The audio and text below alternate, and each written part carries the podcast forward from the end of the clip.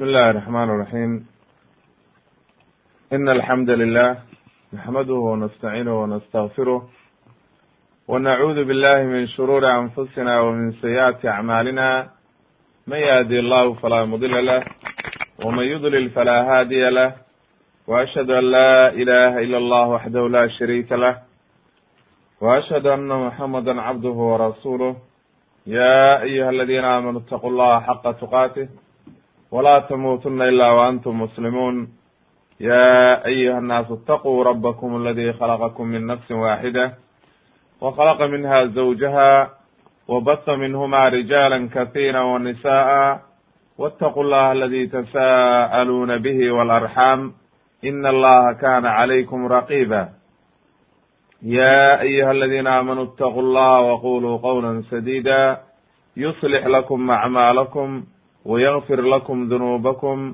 ومن يطع الله ورسوله فقد فاز فوزا عظيما أما بعد فإن أصدق الحديث كلام الله وخير الهدي هدي محمد صلى الله عليه وسلم وشر الأمور محدثاتها وكل محدثة بدعة وكل بدعة ضلالة وكل ضلالة في النار إن شاء الله تبارaka وتaعالى Eh, haddii rabeedma dersigeena maanta wuxuu noqonayaa qeybtii ugu dambeysay oo ah qisadii yuusuf oo maaragtay khaatimatu qisatu yuusuf calayhi salaam wama yustafaadu min alfawaa'idi walcibar waxaan khatimaynaa oo ugu dambayntii ah qisadii yuusuf calayhi salaam. Waynu dhammaynay qaabkii iyo waxa weeye saddexdii marxaladood oo aynu uqaybinay qisatu yuusuf marxalat alula oo ahayd marxalatu maaragtay marxalatu dacfi wasikar oo waxa weye markuu yaraa iyo waxyaalihii soo maray iyo walaalihii iyo habkay u galeen marxaladii dhexe oo labaadna waxaynu ka dhignay marxalatu maaragtay imtixaan walfitan marxaladii saddexaadna waxaynu ka dhignay marxalat alcizi watamkiin isagoo ugu dambayntii marka waxaynu ku gebagabeynay geeridiisii iyo waxa weeye waktigii ugu dambeeyey iyo walaalihii say ku dambeeyeen iyo maaragtay aabihii iyo kulli inay masar yimaadeen ayaynu akhirkii ugu gebagabeyn haddaba marka waxaynu khatimaynaa marka oo khaatimo u samaynaynaa qisatu yusuf siduu ilaahay u khatimay. Leannu ilaahay fi suurati yusuf aayadda ugu dambaysa oo ku khatimay ilaahay waxa uu yihi laqad kana fi qasasihim cibrat liuli lalbaab ma kana xadiiثa yuftara walakin tasdiq aladi bayna yadayhi watafsila kuli shayءi wahudan wahudan waraxmata liqowmi yu'minuun ayuu ilaahay ku khatimay aayadda ibnu jariir dabri waxa uu leeyahay raximah llah aayaddaa markuu ka hadlayo ay macnaha qisatu yusuf laqad laqad kana fi qisati yusuf wa ikhwatihi iyo walaalihii cibratun waxyaalo lagu cibro qaato oo lagu waansamo ayaa ku jira oo yaa ku waansamaya dadka caqliga leh oo wax kala garanaya ay liuli lalbaab liuli lcuquul dadka caqliga leh oo wax kala garanaya ayaa ku waansamaya. Iyo mawcido ay ku maaragtay ku waxyaalo maaragtay cabsi ay ku ka qaadaan oo waxa weeye kuwaana qaataan oo markaa isaga ilaaliyaan waxyaalaha xun sida sidaa daraaddeed bu marka ilaahay wuxuu inoo sheegay buu yidhi macnaha waxay sababtu tahay ay ugu jirta cibradu liannahu yuusuf ceelkii baa lagu riday. Walaalihii inay dilaan bay damceen haddana ceelkii bay ku rideen. Ilaahay baa ka soo badbaadiyey oo waxa weye ilaahay baa ka badbaadiyey. Haddana beec xaaraamay gadeen oo waxa weye addoon bay ka dhigeen. Waa la soo qafaashay oo nimankii safarka ahaa ayaa masar la yimid haddana waxa weeye markaas waa la sii iibiyey oo addoon buu noqday. Haddana waxa weeye markaa gurigii uu joogay ayaa naagtii waxa weye joogtay oo imra'atulcaziiz ayaa haddana lagu imtixaamay oo waxa weye naftiisii ugu soo dhigatay.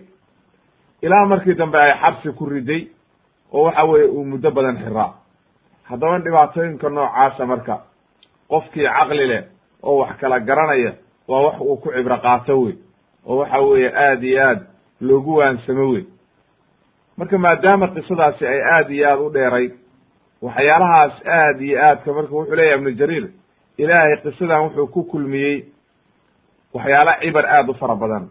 Ilaa mar mixan baa ku jira iyo dhibaatooyin. Waxaa ku jira waxyaalo farxad iyo saruura oo lagu farxayo. Waxaa ku jira xubi iyo kalkacayl oo waxa weye qofkii maaragtay jacayl iyo wanaag siduu yuusuf aabihi u jeclaayoo kale haddana waxa weeye mashaakil iyo waxa weye xusni iyo dhibaato oo waxa weye la kala kaxeeyey. Haddana aakhirkii ugu dambeeyey ay wada kulmeen oo farxad iyo wanaag ku kulmeen iyo la iscafiyey oo wanaag oo dhan waxa weye halkaa isugu yimaadeen. Wuxuu yidhi marka ibnu jariir raximahullah sidaa daraaddeed buu yidhi marka ilaahigii qisadaa nebi maxamed uga sheekeeyey ha ogaadeen qurayshi oo mushrikiinta maanta nebi maxamed la dagaalamaya oo waxa weeye doonaya inay dacwadiisa hor istaagaan inay dhibaato ku sameeyaan oo le dacwada ayaan ka joojinaynaa waa xiraynaa waa dilaynaa haddaba ha ogaadeen ilaahigii yuusuf saa u galay oo qisadiisa saa uga sheekeeyey oo walaalihii saa uga badbaadiyey waa awoodaa inuu nebi maxamedna idinka badbaadiyo oo idinka dhex saaro oo waxa weeye hadhow intuu haddana soo celiyo oo waxa weeye kulligiin sidii ikhwatu yuusuf ay walaalihii ugu cududaarteen oo lahaayeen maaragtay khalad khalad baanu gallay. Oo waxa weye ay u baryayeen oo yaa ayuha alcaziizu ay ugu hayeen inaad biri idinkana saas oo kale idinku dhacdo. Sidii bayna noqotay. Oo waxa weye nebi maxamed calayhi salaatu wassalaam markii laga saaray maka oo uu ka haajiray oo waxa weeye uu madiino tegey kabacdi markaa waa tii muslimiintii oo dhan iyo in alla intii rumaysay intay waxa weye garabkiisa noqdeen oo ilaahay guuleeyey oo beder waxa weeye uu kaga guulaystay. Kabacdi haddana makaa fatxu maka maalintii fatxa maka ay dhacday. Waatay nimankii shala. Nebiga calayhi salaatu wasalaam dhibaataynayey abu sufyaan iyo waxa weye waa iyagii yidhi maaragtay waxaa tahay walaalkay casiiza oo nin wanaagsana. Khayr baan kaa rajaynaynaa. Iska kaaya cafiyo maanta waxa weeye. Maaragtay markaa uu yidhi nebigu orday iska taga waxaa tihin dad la cafiyey oo maanta wax laydii haysta ma jiraan sidaasoo kale marka nabiyullahi yuusufna saasuu sameeyey nebi maxamedna saasuu sameeyey. Marka qisadu waxay isugu xihan tahay oo lagu cibro qaadanayaa haddaad maanta awood leedahay ogow ilaahay baa kaa awood badane oo waxa weeye wax walbo awooda ilaahayga subxaana qaadirkaa ayaa leh ogow oo suu doona xu maamulo wey.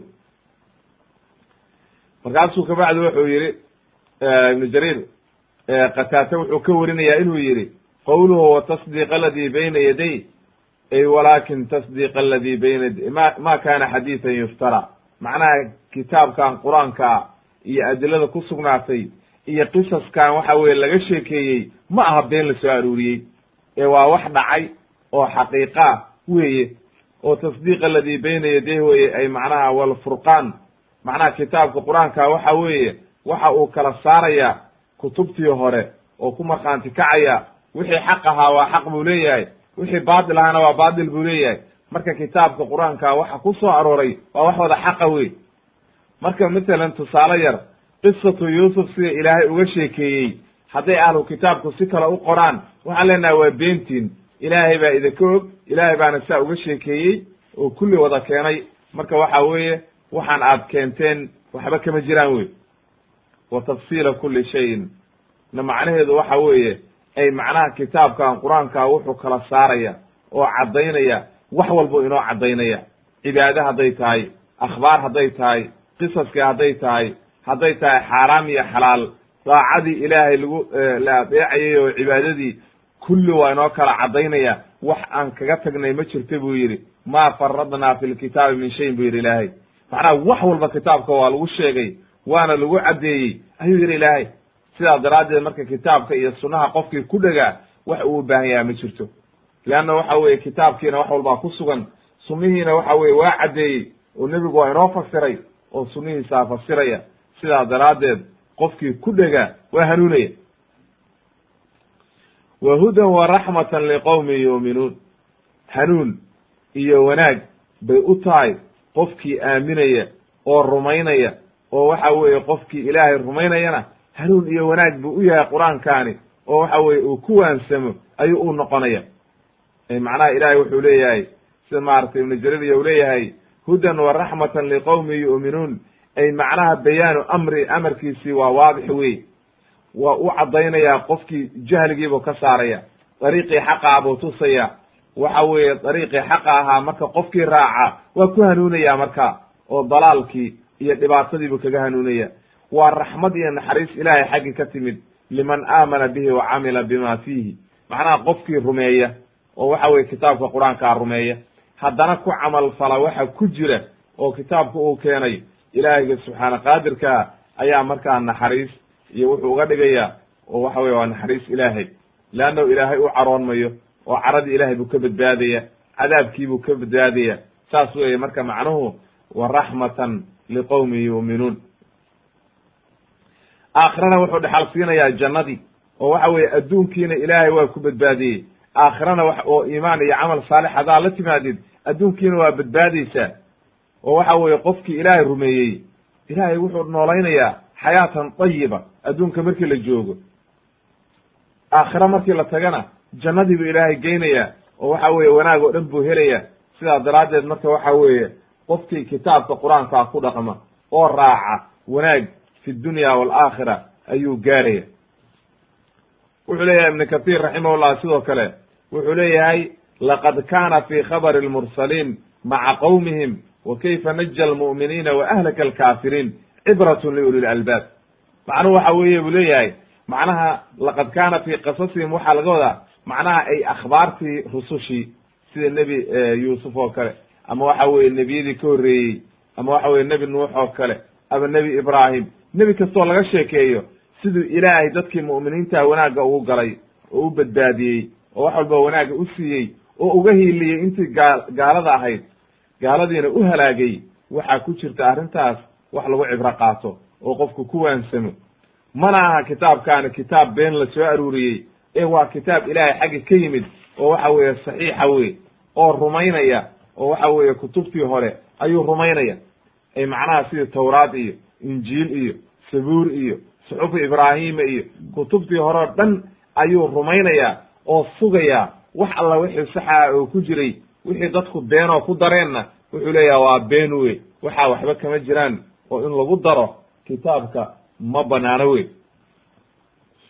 wa tafsiila kuli shayin wax walbana wuu kala caddaynaya xalaashii iyo xaaraamtii iyo waxa weeye wax kasta oo nooc walba ayuu kala caddaynaya wuxuu kaloo caddaynayaa waxyaalihii daacaadka ahaa waajibaadkii mustaxabaadkii wax walbuu caddaynaya akhbaartii buu caddaynaya oo waxa weeye waxyaalihii akhbaarta ahaa iyo qasaskii ku jiray kitaabka oo dhan ayuu kala caddaynaya sidaas daraaddeed kitaabka waxa ku soo arooray oo dhan waa wax cad wey oo ay ku hanuunayaan dadki ilaahay uu hanuug la maago. Hanuun dadki ilaahay uu siiyo oo rumeeya oo mu'miniina ayaa ku hanuunaya marka kitaabka qur'aankaa waxaa ku hanuuna horta qofki iimaan laga helo oo qalbigiisa iimaan galo ayaa inta ku hanuuna dhibaatada iyo mashaakilka iyo waxa weeye jahliga kaga baxaya iyo waxa weye shirkiga iyo dhibaatada. Haddii uu raaco marka qofkii raaca naxariis buu noqonaya iyo raxmad iyo wanaag ilaahay ayuu uga dhigaya fi dunya waalaakhira macnaha adduunkana wuxuu ku noolaynayaa xayaatan dayiba aakhirana ilaahay waxa uu gelinayaa jannadii iyo wanaaggii fanas'alu llah alcadiim an yajcalana minhum fi dunya waalaakhira ilahay waxaan ka rajaynaynaa inuu naga mid dhigo kuwa kitaabka qur'aanka ku hanuuna iyo sunnaha nebiga calayhi salaatu wassalaam adduunkana hanuuna aakhirana waxa weeye gara jannadii ilaahay oo waxa weeye wanaaggii gaara ayaan ilaahay ka rajaynayna wuxuu yidhi marka ibnu kathir raximahullah wuxuu yidhi maalintaas waxay dhacaysaa buu yidhi maalinta ay dadku laba u qaybsamaan oo waxa weeye inta dadkoo dhan ilaahay xagga loo celiyo qiyaamo la yimaado qaarna wejiyadoodu ay caddaadaan oo wejiyadoodu ay nuurayaan oo wanaagga oo dhan helayaan. Qaarna wejiyadoodu madoobaan doonaan maalintaa ayaa la kala caddaan doonaa oo xaqiiqada la gaari doona marka wuxuu ishaarayaa aayadda qur'aanka odhanaysa yowma tabyadu wujuhun wa taswadu wujuh faama aladina swaddat wujuhum akafartum bacda iimaanikum faduuqu lcadaaba bima kuntum takfuruun fi suurati ali cimraan yacni yowma alqiyaama waa maalinta yowma alqiyaamaha maalinta ay waxa weeye wejiyadii qaar caddaanayaan oo nuurayaan oo wuxuu yidhi cabdullahi ibni cabaas waxa weeye wujuhu ahlusunna waljamaca tabyadu wujuhu ahlusunna waljamaca yowma alqiyaama wa taswadu wujuhu ahli lbidac walfurqa waxa weeye wadalaal ayaa dadka noocaasa ayaa wejiyadooda madoobaanayaan dadka bidcada iyo shirkiga iyo waxa weeye tafaraaruqa iyo mashaakilka oo dhan ku jira dadka ayay wejiyadooda madoobaanayaan bu yidhi. Dadka wejiyadooda caddaanayaan oo nuunayaanna waxa weeye waa dadka ahlusunna waljamaaca ahlusunna waljamaacana waxa weeye waxaa la yidhaahdaa waa qofkii sunnihii nebiga calayhi salaatu wassalaam iyo waxa weeye dariiqii saxaabada qaaday. Kaasaa la yidhahdaa ahlusunna waljamaaca amaa qofkii ka leexday oo iska sheeganaya oo afka ka sheeganaya ahlusunna waljamaaca waxba kama jiraan. Leannahu mid kastoo suufiya maanta wuxuu leeyahay ahlusunna waljamaacan ahay caqiidadiisuna waa khilaafsan tahay caqiidadii nebi maxamed iyo caqiidadii saxaabada. Haddaba waxa weye ahlusunna waljamaca waxaa la yidhahdaa qofkii dariiqii nebi maxamed la yimid ma ana calayhi wa asxaabii? Wuxuu siduu ka yidhi nebiga calayhi salaatu wassalaam. Markuu nebigu sheegay inay ummaddaani toddobaatan iyo saddex firqa u qaybsamayaan kulligoodna naarta gelayaan ilaa hal mida mooye markii la weydiiyey waxaa la yidhi tee weye midda badbaadaysa jamaacada badbaadaysa. Wuxuu yidhi ma ana calayhi wa asxaabii waa midda ku taagan aniga iyo saxaabadeeda waxa aan ku sugannahay caqiidatan wa camalan wa iimaanan. Waxyaalaha aan ku sugannahay maanta oo diinta aan la imid qolada ku taagan qofkii dariiqaa mara ayaa ahlusunna waljamaaca la yidhaahdaa. Waa inaad ogaatid weye qof walba markaa ku dadaalo inuu waxa weeye dariiqaa ku dhinto oo waxa weeye ilaahayna ha ka baryo inuu dariiqaa ilaahay gaadhsiiyo. Sidoo kale xadiis baa ka sugnaaday athar uu werinayo maaragtay can abi khaalib ayaa waxa uu leeyahay abu umama saxaabigii jaliilka ah abu umama albahili ayaa wuxuu arkay waxaa la yihahdaa abu umama albahili magaciisana waxaa la ohan jiray sudiy bni jaclan wa huwa sayidu bahila waa qabiilkii reer bahila la ohan jiray ayuu oday u ahaa waa nin aad iyo aad macruufa buu ahaa abu umama la ohan jiray. Waxa uu yihi abu umama wuxuu arkay nimankii khawaarijta ahaa oo waxa weye cali bn abi aalib iyo la dagaalamay cuthmaan dilay oo markii dagaalkii fitankii uu dhacay niman badan oo iyaga ahoo lalaayay ayuu madaxyadoodii arkay. Meeshaa dimishk masaajidka meel u dhow. Markaasuu waxa uu yidhi kilaabu kilaabu nnaar buy waa kila eeyada naarta weeye. Buy sharu qatlaa taxta adiimi asamaa waa kuwa la laayo buu yidhi sharu qatlaa kuwa la dilay kuwa ugu khayr daran weeye oo waxa weeye adduunka lagu dilay. Khayru man khayru qatlaa man qataluuhu wy waxaa ugu khayr badan buu yidhi qofkay dilaan macnaha qof la dilo waxaa ugu khayr badan kuwaani qofkay dileen. Markaasaa waxaa la yidhi markaasu wuxuu akriyay aayadda qur'aankaadi yowma tabyadu wujuhum wa taswadu wujuh aayaddaasuu akriyay oo leeyahay macnaha kuwaani waa kuwa wejiyadoodu aakhiro madoobaanayaan oo ahlu bidac weeye iyo waxa weeye dalaal ayay ku sugan yihiin. Marka abi khaalib ba waxa uu ku yiri abi abi umama anta samictahu min rasuuli llahi sala allahu alayh wasalam ma rasuulka ilahi baa ka maqashay baan ku yidhi bu yidhi markaasuu wuxuu yidhi low lam asmacahu ila maratan aw maratayni aw halaatan aw arbacan xataa cadda sabcan ma xadatkumuuh wuxuu yidhi haddaana mar ka maqal oo laba ka maqal oo saddex ka maqal oo afar ka maqal oo shan ka maqal oo lix ka maqal ilaa toddoba uu tiriyey idiima sheegeen buy oo idama dheheen waa kilaabu ahli naar. Haddaba markaa waa arrin aad iyo aad u khatara wey leanna waxa weye dariiqii xaqaa bay khilaafeen oo waxa weye saxaabadii bay la dagaalameen oo amiirulmu'miniin bay dileen oo waxa weye amiirkii kale la dagaalameen. Marka waxa weye niman qariban bay ahaayeen caqiidadooda xumayd oo dariiq dalaala oo baadi ayay ku sugnaayeen.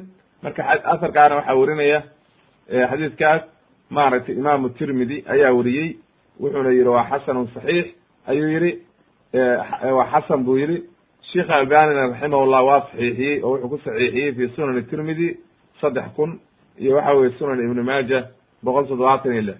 Marka waxa weye waa xadiis saxiixa wey marka macnaha uu ukeenayo meesha waxay tahay oo waxa weeye uu abu umama saa uleeyahay maadaama ay dariiqii nebi maxamed khilaafeen iyo dariiqii saxaabada hadda halaag bay ku sugnaadeen oo waxa weye waa halaagsan yihiin wey oo khasaaro iyo mashaakil oo dhan ayay ku jiraan oo waxa weye wejiyadooda aakhiro madoobaanaya leanno ahlu bidac bay noqdeen oo dariiqii nebi maxamed bay khilaafeen wey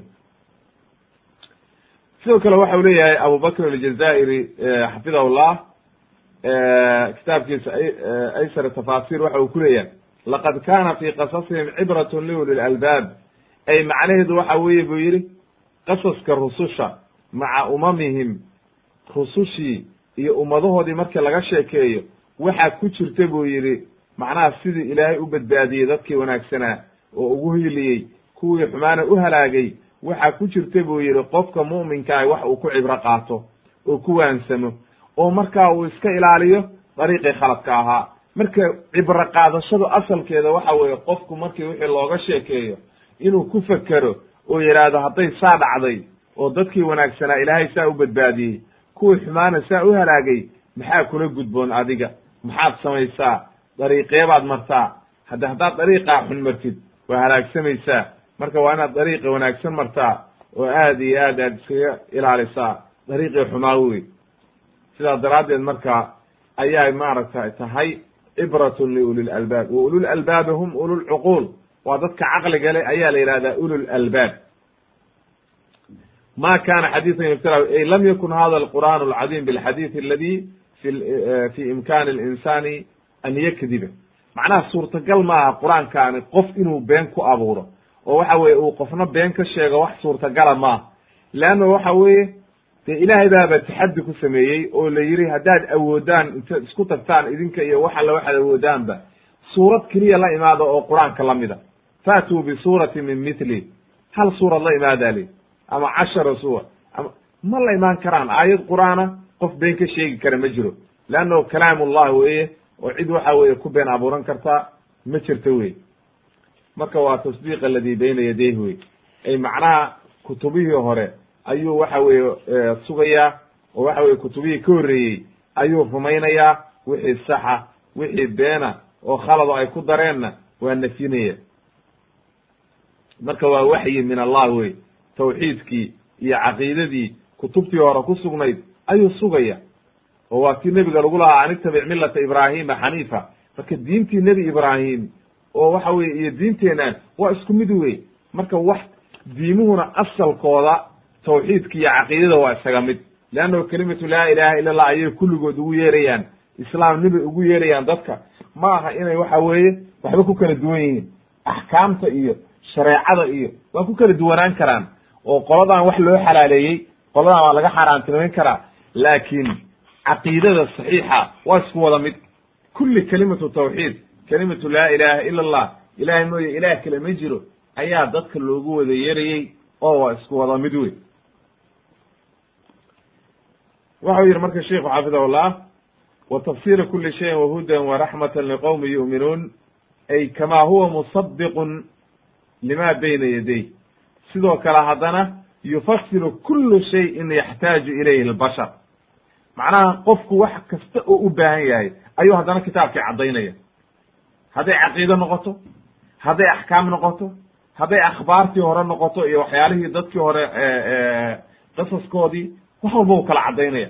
Sidaa daraaddeed wixii aad u baahatidba kitaabka waad ka helaysa marka wax walba kitaabkii qur'aanka waa ku dhex jiraan oo wax walba waa lagu keenay oo wax walba waa laynoo caddeeyey oo waa waadix wey wax ka maqan marka ma jiraan wey sidaa daraaddeed baa marka waxaa loo baahan yahay qofku inuu ku camal falo marka qofkii ku camal fala ayuu wanaaggaas oo dhan oo rumeeya ayaa wanaaggaas oo dhan ka helaya wey. Haddaba halkaa marka haddaan ku gebagabayno maaragtay khaatimadii waxa aynu marka keenaynaa ma yustafaadu maaragtay ma yustafaadu qisatu yusuf min alfawaa'id walcibar maaragtay oo laga faa'ideeyo macnaha alfawaa'id walcibar yustafaadu fi qisati yusuf maxaa laga faa'idayaa oo fawaa'idda iyo cibarka ku jira oo faraha badan maxa uu yahay? Waxa aan keenaynaa awal waxaan soo samaynay macnaha marxalad walba marka aan samayno xoogaa fawaa'ida ayaan ka sameynaynay laakiin hadda waxaynu keenaynaa sheekh naasir sacdi raximahullah ayaa waxa uu ka sameeyey aakhirka qisadan fawaa'id aada u fara badan marka waxaynu soo qaadanaynaa kalaamkiisa iyo fawaa'idda uu ka sameeyey iyo habka uu sharaxay ayaynu ku khatimaynaa qisada oo waxa weeye aynu soo qaadanaynaa oo aynu akriyaynaa insha allahu tabaaraka wa tacaala. Qaala sheekh naasir sacdi raximahullah waa sheekhi cuthaymiin iyo wey wa waa sheekh cuthaymiin iyo sheikhoodii. Oo waxa weye ka horreeyey sheekh cuthaymiin iyo ibnu baaz iyo shiikhii ka horreeyey wey.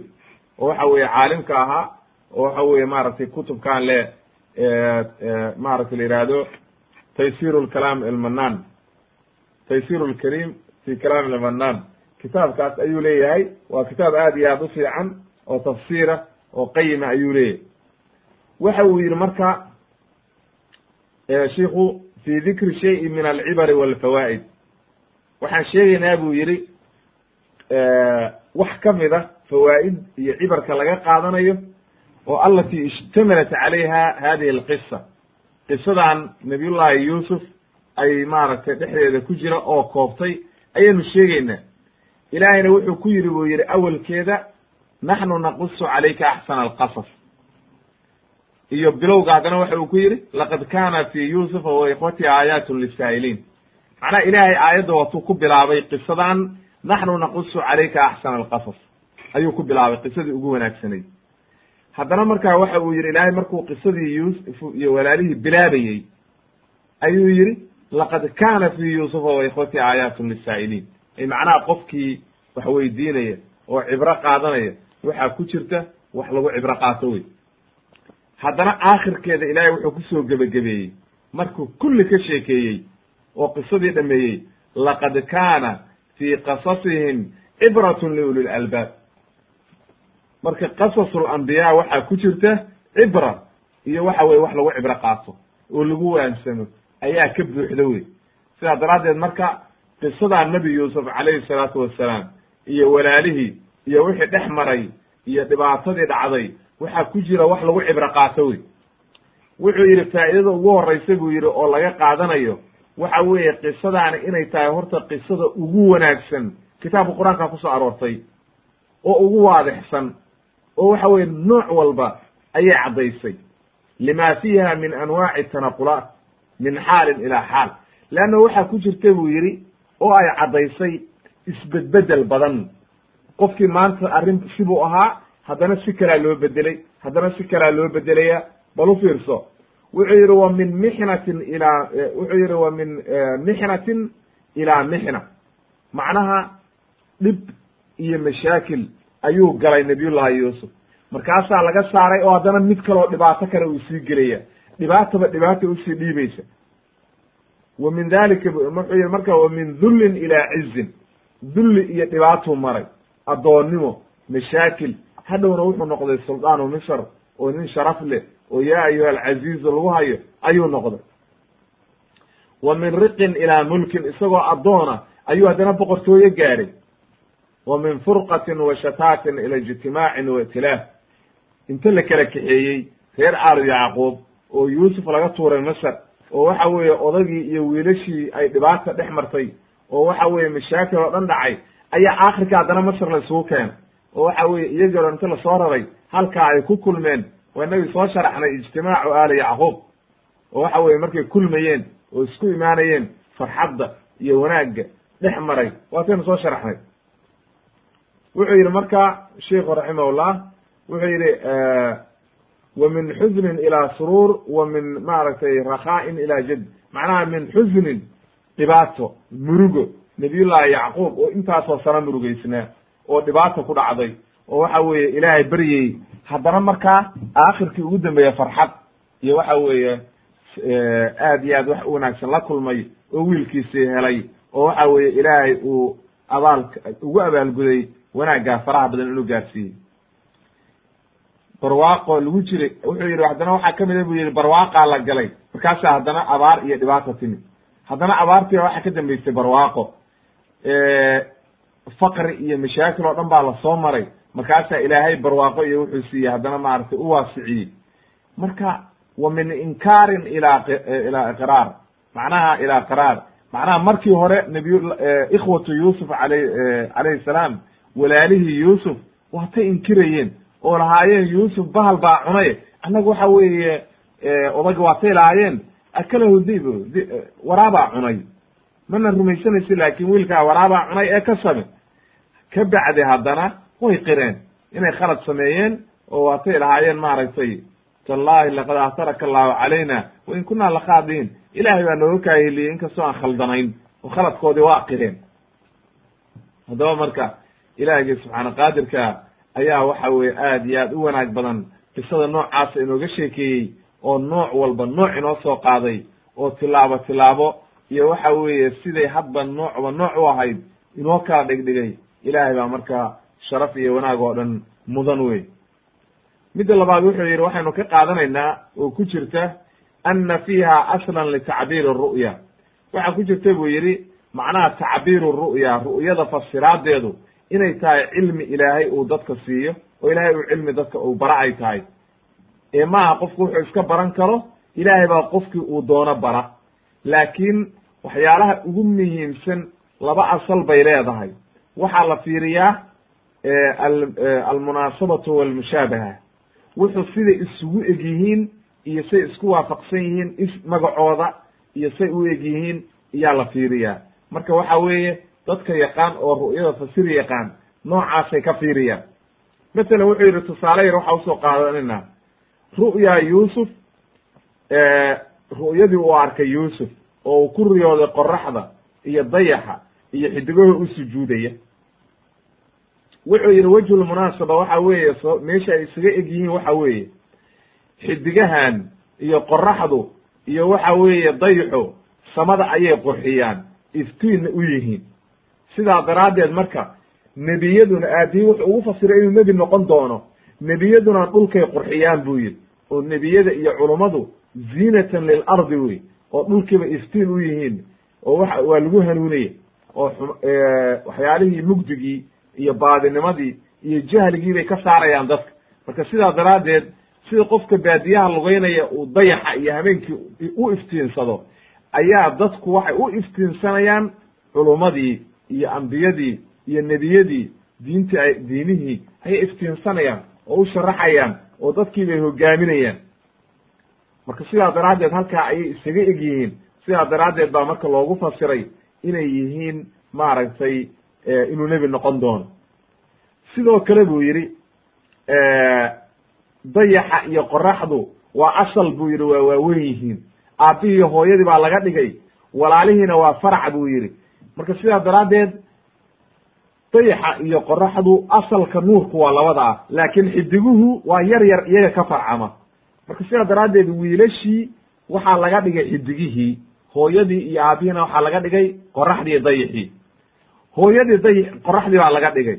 Leanna waxa weye waa lafdu mu'anas oo waxa weeye waa lafdi dhediga aabihiina waxaa laga wuxuu ugu fasiray dayixii leannahu waa mudaker oo waa waxa weye waa waa waa lab wey sidaa daraaddeed marka qorax dayixii iyo xidigihiiba waxaa laga dhigay dhaker oo waxa weye wuxuu yidhi waa walaalaha iyo aabbaha bay noqon doonaan oo kuu sujuuda. Marka waxaa la fiirinayaa mar walba habka la eegayo oo waxa weeye siday isugu eg yihiin wixii. Amaa sujuuddana haddii ay qoraxda iyo dayixi iyo kuu sujuudeen walaalaha iyo aabbahabaa kuu sujuudi doonayo hooyada sujuuddu waxa weeye macnaheedu ay macnaha tacdiiman laka. Waa lagu weynayn doonaa. Markaad derajo gaartid oo wanaag gaartid oo ilaahay heerku gaarsiiyo ayaa saa lagu weynayn doonaa oo lagu ixtiraami doonaa wey sidaa daraaddeed marka waxa halkaas waatuu ku lahaa wakadalika yejtabiika rabuka wa yucallimuka min taawiili axaadiis. Macnaha ilaahay baa ku dooranaya oo nebi kaa dhigaya oo waxa weye wax walba ku baraya. Sidaa daraaddeed marka waa cilmi aad iyo aad u cajiiba oo qofku haddii uu barto habkaas iyo munaasabooyinka wax loo fasiro aad iyo aad bay muhiim u tahay wey. Sidoo kale labadii wiil oo uu u fasiray oo midna uu yihi waa lagu dilayaa midna uu yihi waa lagu sii daynayaa midi wuxuu ku riyooday isaga oo camalkii sii wada oo shaqadii sii wada oo waxa weeye maaragtay khamrigii qasaya midna wuxuu ku marka wuxuu yidhi adiga waa lagu sii daynayaa buu yihi leanna wuxuu ka qaatay ninkaani camalkiibuu sii wadaabuu ku riyooday. Inuu badbaadayo oo camalkii sii wado ayaa halkaa ka caddaanaysa oo shaqadiisii sii wadanayo. Laakiin ninkan kale wuxuu ku riyooday isagoo waxa weeye shimbiro cunayaan madaxiisa waxa weye marka waa lagu dilayaa weye oo waxa weye adiga waktigaagii waa dhammaaday oo waad soconaysaa ayuu ugu fasiray markaa. Sidii bayna noqotay oo waxa weye markaas way waa la dilay. Kii kalena waxa weye waa badbaaday wey ru'yadii boqorkana wuxuu ku fasiray toddoba sac oo buurbuuran iyo toddoba sac oo waxa weye caata ah toddoba sanoo abaara iyo toddoba sanoo barwaaqa ayuu ku fasiray. Leannahu markii roobku do ay barwaaqo noqoto xooluhu waa cayilaan oo waxa weye xoolihii baa cayilaya. Waxa weeye mirihii baa soo baxaya beerihii baa baxaya.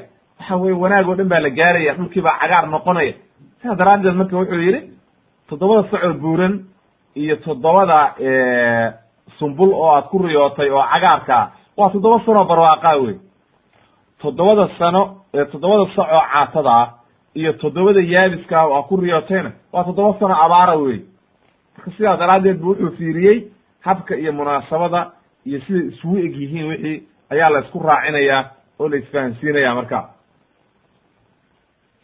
marka sidaa daraaddeed qofku waxaa loo baahan yahay inuu aad iyo aad u fiiriyo haddii uu ru'yadii fasirayo asbaabteeda iyo magaca iyo siday isugu eg yihiin inuu aad iyo aad u fiiriyo. Midda saddexaad waxa uu yidhi shiku waxaa ka mida buu yidhi ma fiiha min aladila calaa sixati nubuwati muxamedin sala allahu alayh wasalam qisadaani waxay daliil u tahay oo caddaynaysaa nebinimadii nebi maxamed calayhi salaatu wasalaam inay nebinimo saxa ahayd leanna sababtu maxay tahay ilaa wuxuu ka sheekeeyey qisadan aad iyo aad u dheer nebi maxamedna waktigii nebi yuusuf ma joogin akhbaartii hore iyo kutubihii horena ma u akriyin liannahu kaana laa yaqra'u walaa yaktub waxna ma akriyi jirin waxna ma qori jirin marka sidaa daraaddeed qofaan waxna qorin waxna akriyin qiso oo mar hore dhacday ka sheekeeyey oo say ahayd u kala dhigdhigay oo waxa weye qisada intaa dheer leeg waxay kutusaysaa inay tahay waxyi min allah oo waxa weye ilaahay u waxyooday. Marka qofkii caqli leh oo waxa weeye caqli leh waa ku waansami karaa markaa. Waatuu ilaha ilah maaragtay id ajmacuu amrahum wahum yamkuruun. Wamaa kunta ladayhim. Macnaa lama aad joogin markay dadaalayeen oo iyagu ay tashanayeen oo khiyaanada samaynayeen nebi maxamed lama joogin. Marka waxa weye sidaa daraaddeed waxay kutusaysaa qisadaani nebinimadii nebi maxamed calayhi salaatu wassalaam iyo kitaabkan qur'aanka inuu yahay kalaamullah waxyi ilaahay inuu yahay ayay kutusaysaa marka. Midda afraad waxa uu yidhi anahu ynbagi anahu yenbagi alcabda yenbagi albucdu can asbaabi shar qofku inuu ka dheeraado meelaha asbaabta sharku taallo dhibaatadu taallo markaad aragtid inay meeshaan macsi iyo dhibaato iyo wax ka soo socoto inaad ka dheeraatid oo aad iyo aad uga caradhid ayaa la rabaa oo uu qofku wixii uu is yiraahdo dhibaata imaanaysa inuu qariyo. Wa kitmaanu maa takshaa madaratu wixii aad dhibto dhib uga cabsatid oo is tiraa war amaa dhib kaaga timaadaana inaad qarisid. Sababtu maxay tahay? Oo loo deliishaday yacquub calayhi salaam wuxuu ku yiri yuusuf calayhi salaam markuu ru'yadii iyo wanaaggii u arkay oo ogaaday ninkaani inuu nebi noqon doono oo u fasiray ayuu wuxuu yidhi laa taqsus ru'yaaka calaa ikhwatika ru'yadaadan ha uga sheekaynin walaalaha. Sababtu maxay tahay? Fayakiiduu laka kayda. Dhagar bay kuu samaynayaan. Iyo dhibaato iyo mashaakil. Marka sidaa daraaddeed ha uga sheekaynin walaalaha ee arrintaada qarso oo waxa weye arrintaan qari ayuu maaragtay yiri wey marka sidaa daraaddeed waxaa laga qaadanayaa qofku haddii uu waxa weye wax ka baqayo inuu arrimihiisa qarsado oo uuna sheegin oo waxa weye uu waxa weye wuxuu is yidhahdo dhibaata kaaga imaanaysa inaad qarisid. Waa bannaan tahay midda shanaad buu yidhi sheikhu waxaa laga qaadanayaa annahu yajuuzu dikru linsani bima yakrah cala wajhi nasixa ligayri. Haddii qofkaad u naseexaynaysid oo wanaag u sheegaysid waxaa bannaan inaad waxa weeye wixii khalada oo aad qofkaa ka og tahay aad tiraa hebel iska ilaali. Dhibaatadaasuu leeyahay mashaakilka ayuu kugu samaynin. Iska ilaali. Leanno yacquub wuxuu leeyahay fayakiidu laka kayda. Dhib iyo dhagar bay kuu samaynayaan iyo mashaakile. Iska ilaali arrintaada ha u sheegna sidaa daraaddeed marka way bannaan tahay. Qofku wixii mashaakil qofkii ku samaynaya in looga digo oo la yidhahdo war waxaa iska ilaali. Iyadoo aan xan ahayn inay min baabi nasiixa way bannaan tahay wey.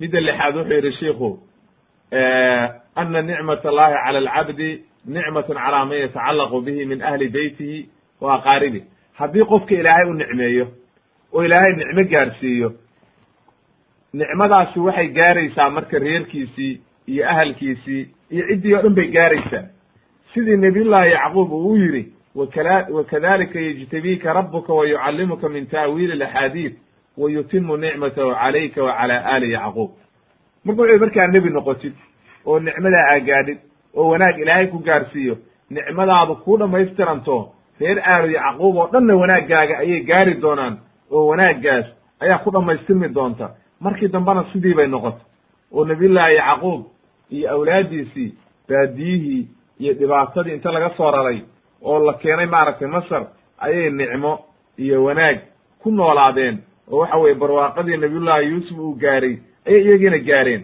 oo wanaaggii bay gaareen wey midda toddobaad waxa weeye ana alcadla madluubun fi kuli lumuur qofku haddii uu waxa weeye adi waxaa laga rabaa mar walba iyo meel walba uu joogo inuu xaq sooro xataa ilmihiisa ha noqote ma aha macnaheedu qofka caadilnimada laga raba iyo xaq soorku inuu yahay ninka madaxdaa keliya adiga waxaa lagaa rabaa akhilmuslim waktulmuslima gurigaaga ilmahaaga dadkaa mas'uul ka tahay inaad u xaq soortid leanna sababtu waxa weeye yuusuf yacquub calayhi salaam markuu yuusuf jeclaaday wiilashii kalaa xanaaqay shaydaanna waa ka faa'iidaystay dhibaatoo dhan bay sameeyeen marka lama ogola ilmahaagi inaad kala jeclaatid waatuu nebigu lahaa calayhi salaatu wasalaam ittaqu llaha wacdiluu bayna awlaadikum awlaaddiina iyo ilmihiina u cadaalad sameeya marka laba arrimoodba waa in loogu cadaalad sameeyo haddii wax la siinayo oo wixii la siinayo waa loogu cadaalad samaynaya jacaylkiina waa loogu cadaalad samaynaya oo waxa weeye midna inaad jeclaatid midna cayrisid lama rabo. Oo waxaa la rabaa inaad cadaalad u samaysid oo wada jeclaatid oo wanaag u samaysid ayaa la rabaa. Haddii kale waxay keenaysaa haddaad qaarna jeclaatid qaarna cayrisid waxay keenaysaa xumaan iyo dhibaato iyo nacayb iyo xaasidnimo ayay keenaysaa. Midda sideedaad waxaa ka mid a alxadaru inuu qofku ka digtoonaado dembiyada. Leannahu dembiga dhibaatada uu kuu keenay waxay tahay markaa hal dembi geshid waxaa hadhow dembigaasi ku gaarsiinayaa kuwo kale inuu ku sii dhaxal siiyo leannahu ikhwatu yuusuf u fiirso waxa ay sameeyeen in ay waxa weeye yuusuf bay yidhaahdeen aynu aabe ka qaadno oo ka khaarijino waxa weye ninkan aynu dhaafina aabbo marka see u dhaafinaa hadde waa inay toban dembi galaan oo midba mid ka daran yahay been waa inay sheegaan waa inay waxa weeye dhaar beena iyo waxa weeye khiyaamo iyo waxa weeye mashaakil oo dhan waa inay sameeyaan. Marka waxay ku dhaceen inay odagii been u sheegeen oo yidhahdeen wiilka waa soo cayaarsiinayna oo ka kaxeeyeen oo wiilkii dhibaato ku sameeyeen oo god ku rideen oo qamiiskii kala baxeen oo waxa weeye ay dhiig beena marmariyeen oo wiilkii bee iibiyeen. Bal imise dembi bay isku darsadeen.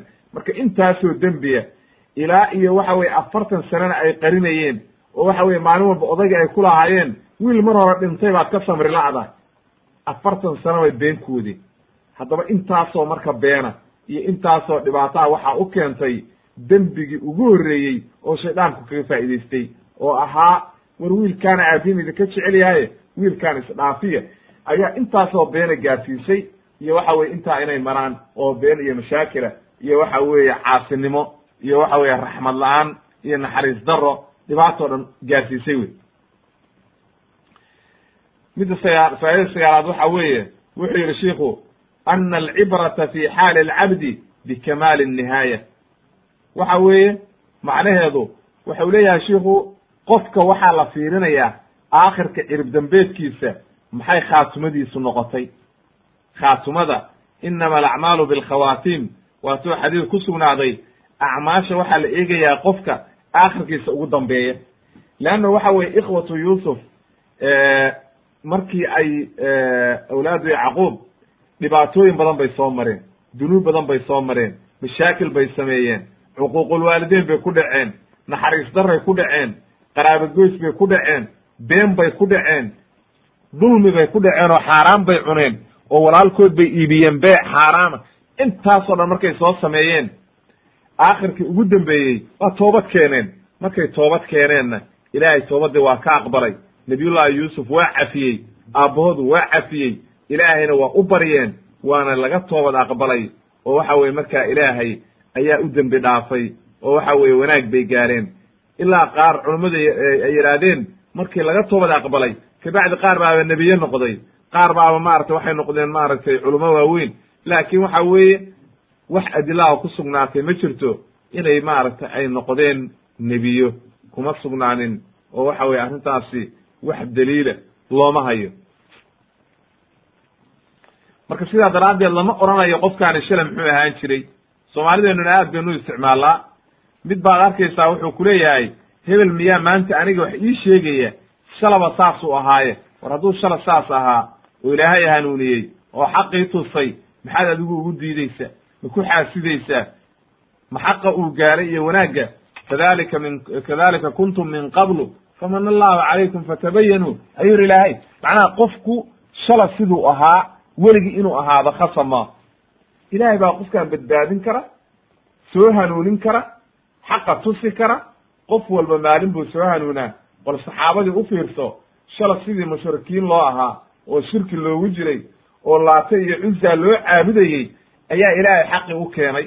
Xaqii bay raaceen.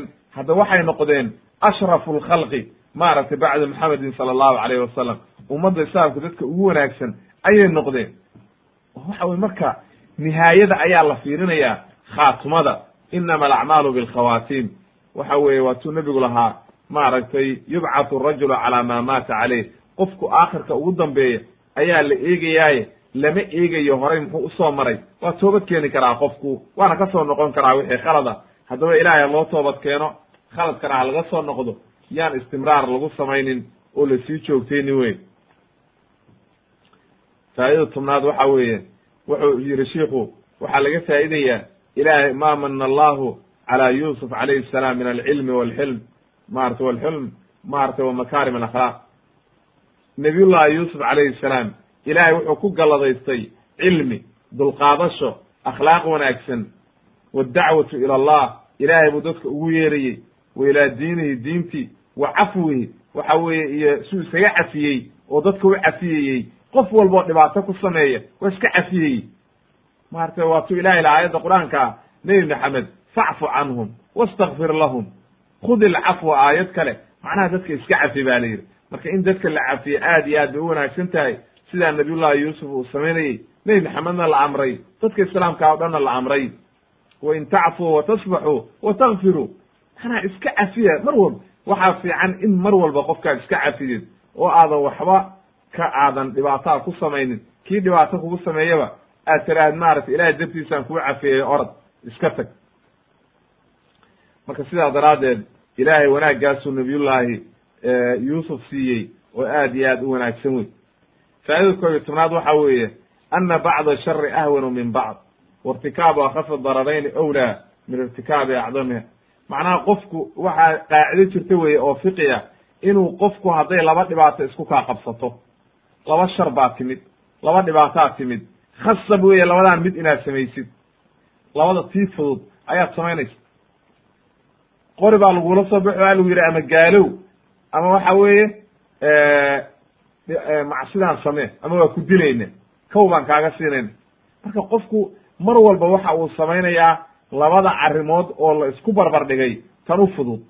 Leanna sababtu maxay tahay nb ikhwatu yuusuf markay tashadeen. Waxaa qodobkaa laga soo qaadanaya ikhwatu yuusuf markay tashadeen.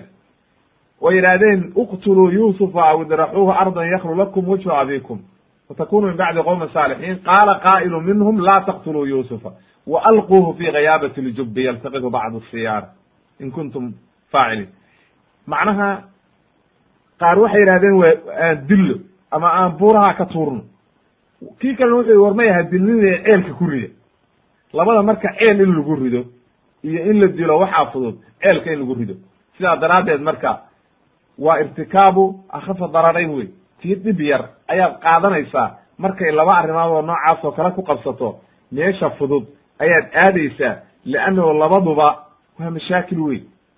Haddii laakiin laba khayr ay isku kaa qabsadaan kan badan baad qaadanaysa. Marka khayrku waa ka duwan yahay laba camaloo wanaagsan ayaa lagu lasu kaa soo barbar dhigay. Oo lagu yidhi labadaa camal mid dooro kee baad samaynaysaa kan fiican dooro oo wanaagsan oo ajar badan.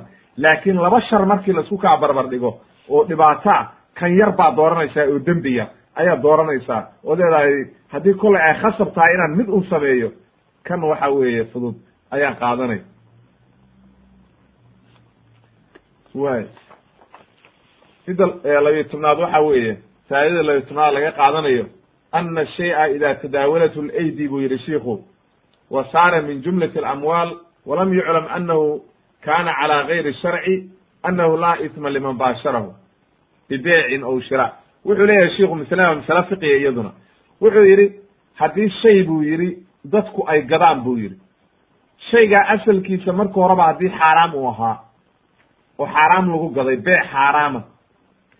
Hadhow uu isa sii bedbedelay oo dad badan sii gadgateen oo dadka gacmahoodii uu isku bedbedelay qofkii marka aan ogeyn waxaani asalkiisa waxay ahaayeen oo noocaa u gatay isaga waxa wax dembiya kuma le xaaraamna kuma aha.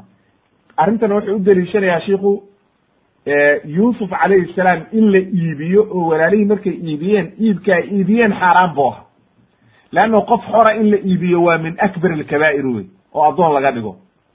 Laakiin markii la iibiyey oo addoon ay ka dhigeen qoladii ka gadatay waa soo kaxeeyeen oo masar bay keeneen waa sii gadeen.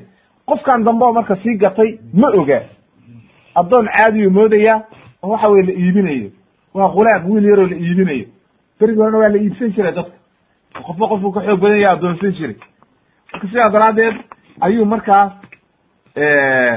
qofkaa dambe marka dembi kuma le leanna isagu arrintan ma bilaabin mana ogeyn wuxuu moodayey arrin caadiya oo waxa weye qof caadiya oo la gadayo. Sidaa daraaddeed marka qofkii noocaas oo kale nin baad maanta dukaan ugu timid alaab buu gadaya. Alaabtan asalkeeda meeshu adiga ka keena war uma haysid ma taqaanid. Oran maysid marka xaggee ka keentay qofkii aad ka soo gaday xaggeebuu ka keenay kii kale xaggeebuu ka keenay. Hadi yaa ogaan kara ma ogaan kadib. Adugu asalka waxaad fiirinaysaa albara'at alasliya alaslu albara'a wey.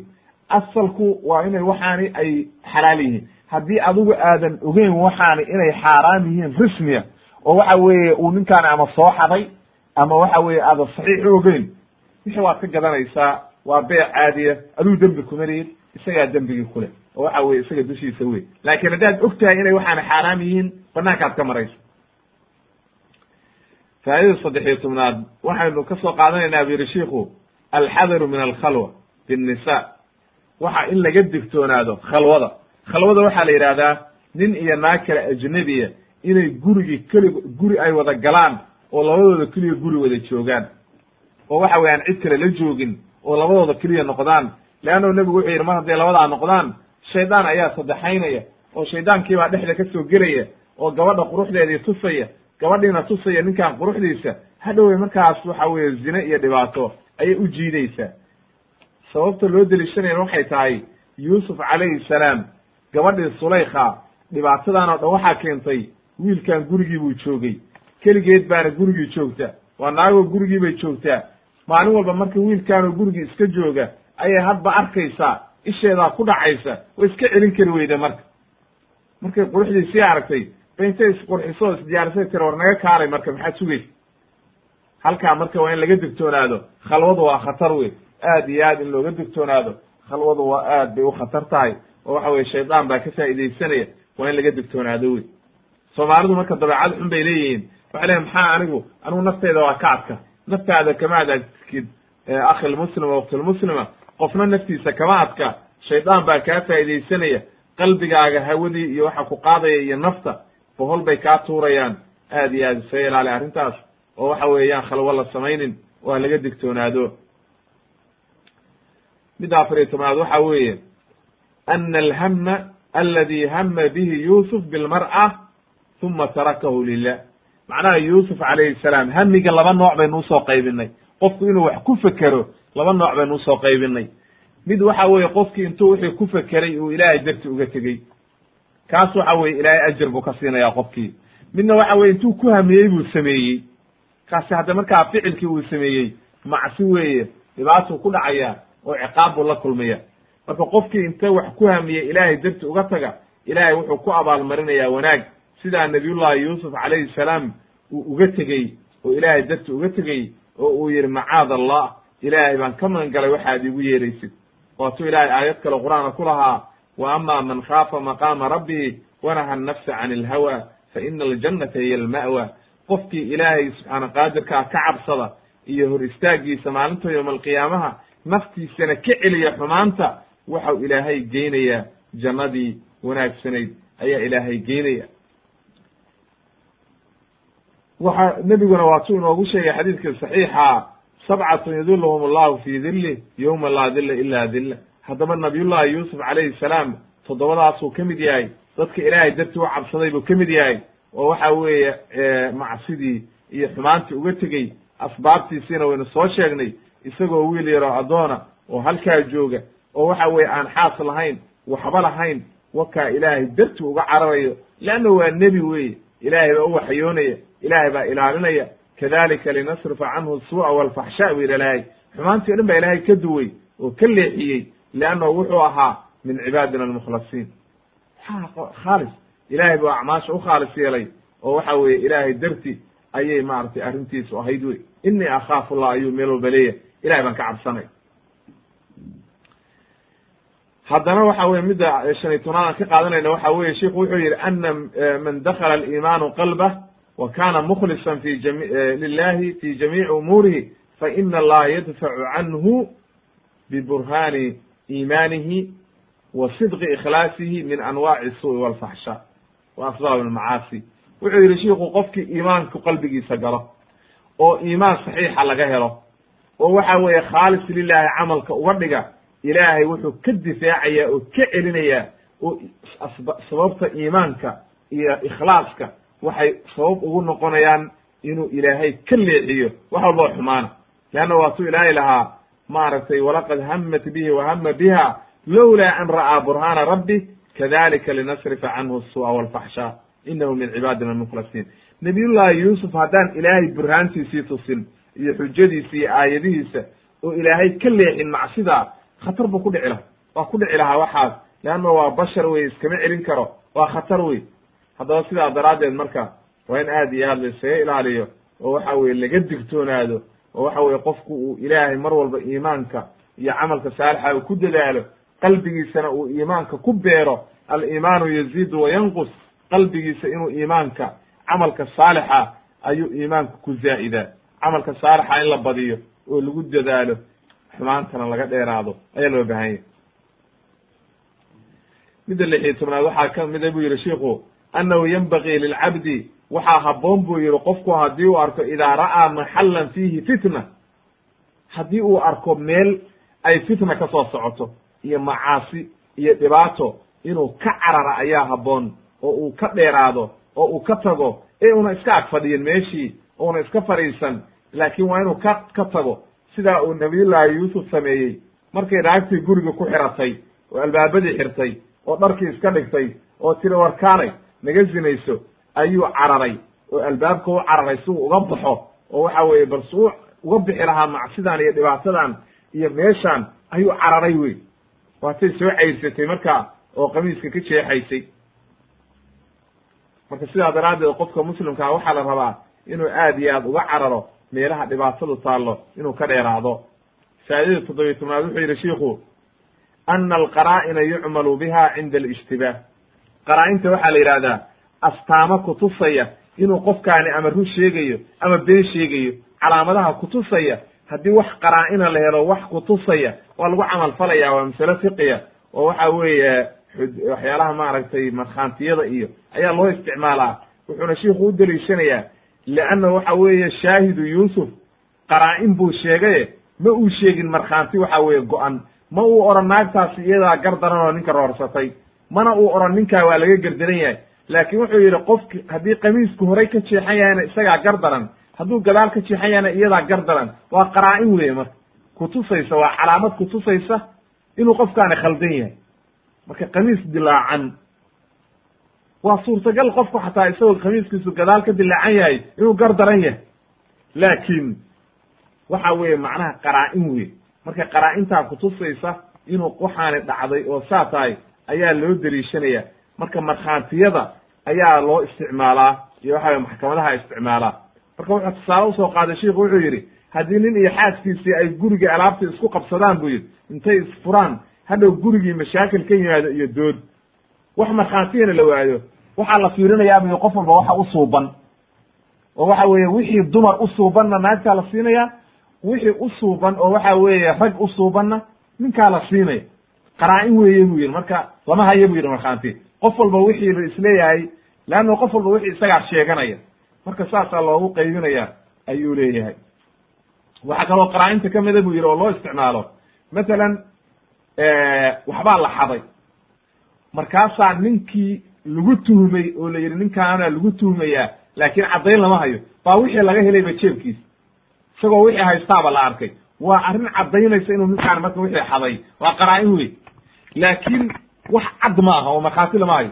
Hadduu doono wuxuu odhan karaa aniga halkaana ka soo qaaday ma xadin. Meel cidlaan ka helay. Waxyaala kaliu la imaan karaa. Laakiin waa qaraa-in haddii markii hore lagu tuhmay. Ninkaana markii hore uu tuug ahaan jiray. Lagu yiqiinay tuugo. Wixiina laga helay inuu xaday waa wax lagu caddayn karo markaa la odhan karo adaa xaday wey waxaa kaloo kamida buu yidhi qof khamri cabay oo ama dhacdhacaya ama matagaya oo sarqaansan baa la helay. Lama caddayn karo horta qofkaani qof ka markhaati kici kara ma jiro inuu khamri cabay laakiin calaamad baa laga helay kutusaysa inuu qofkaani khamrigii cabay marka sidaa daraaddeed masalada masalo fiqiya qaraa-in baa la yidhaahdaa waana wax lagu dhaqmo oo waxa weeye xuduudda iyo marka laga hadlayo baababkaasaa lagu dhaqmaa oo waxa weye wax jira wey faa'idada sideed iyo tobnaad wuxuu yidhi waxaanu ka qaadanaynaa maa calayhi yuusuf min aljamaali aldaahir walbatin wuxuu yidhi laba qurux baa ilaahay siiyey yuusuf. Jirkiisii ilaahay waa qurxiyey oo sida daahirka ah nin aad u qurux badan bu ah. Oo waxaynu soo marnay ucdiyu yuusuf wa umuhu shatr alxusni yuusuf iyo hooyadii waxaa la siiyey quruxda barkeed waatuu nebigu xadiistii saxiixa waa inaga soo marnay. Haddaba marka nabiyullahi yuusuf quruxdaa waa la siiyey. Iimaankiisiina ilaahay waa qurxiyey caqiido saxiixa iyo waxa weeye oo saxiixa ilaahay siiyey oo iimaankiisiina wuxuu noqday iimaan qurux badan oo dhisan oo wanaagsan buu noqday. Haddaba marka iimaankiisii daahirka ahaa quruxdiisii daahirka ahayd oo muuqatay waxay ku keentay in ay dhibaato ku bixisay oo mashaakil ku riday oo waxa weeye ay naagtii damacday oo mashaakil oo dhan bay ku keentay. Laakiin quruxdiisii iimaanka ahayd oo waxa weeye caqiidadii saxiixa ahayd iyo camalkiisii iyo wanaaggiisii waxa ay ku keentay oo uu ku dadaalay inuu xumaantii banaanka ka maro oo waxa weeye uu xabsi iyo macsi uu xabsi doorto ayaa iimaankiisii gaarsiiyey marka sidaa daraaddeed iimaanka qofka iimaanka saxiixa laga helo ayaa wanaagsan. Iyo qofka quruxda badan marka quruxdu waxba tari mayso daahirkaa laakiin camalka saxiixa oo wanaagsan ayaa wax walba ka wanaagsan oo waxa weye qofka badbaadin kara wey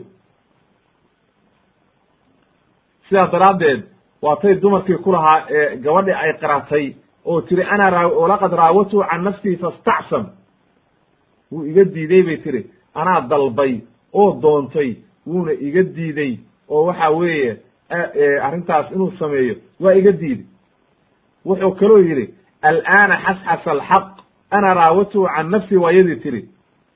Waxa weeye marka sidaa daraaddeed macnuhu waxa weeye nabiyullaahi yuusuf qurux iimaankii ilaahay siiyey ayaa xumaantaan oo dhan ka celiyey oo waxa weeye wanaag iyo caqiido saxiixa waxa weeye u keenay wey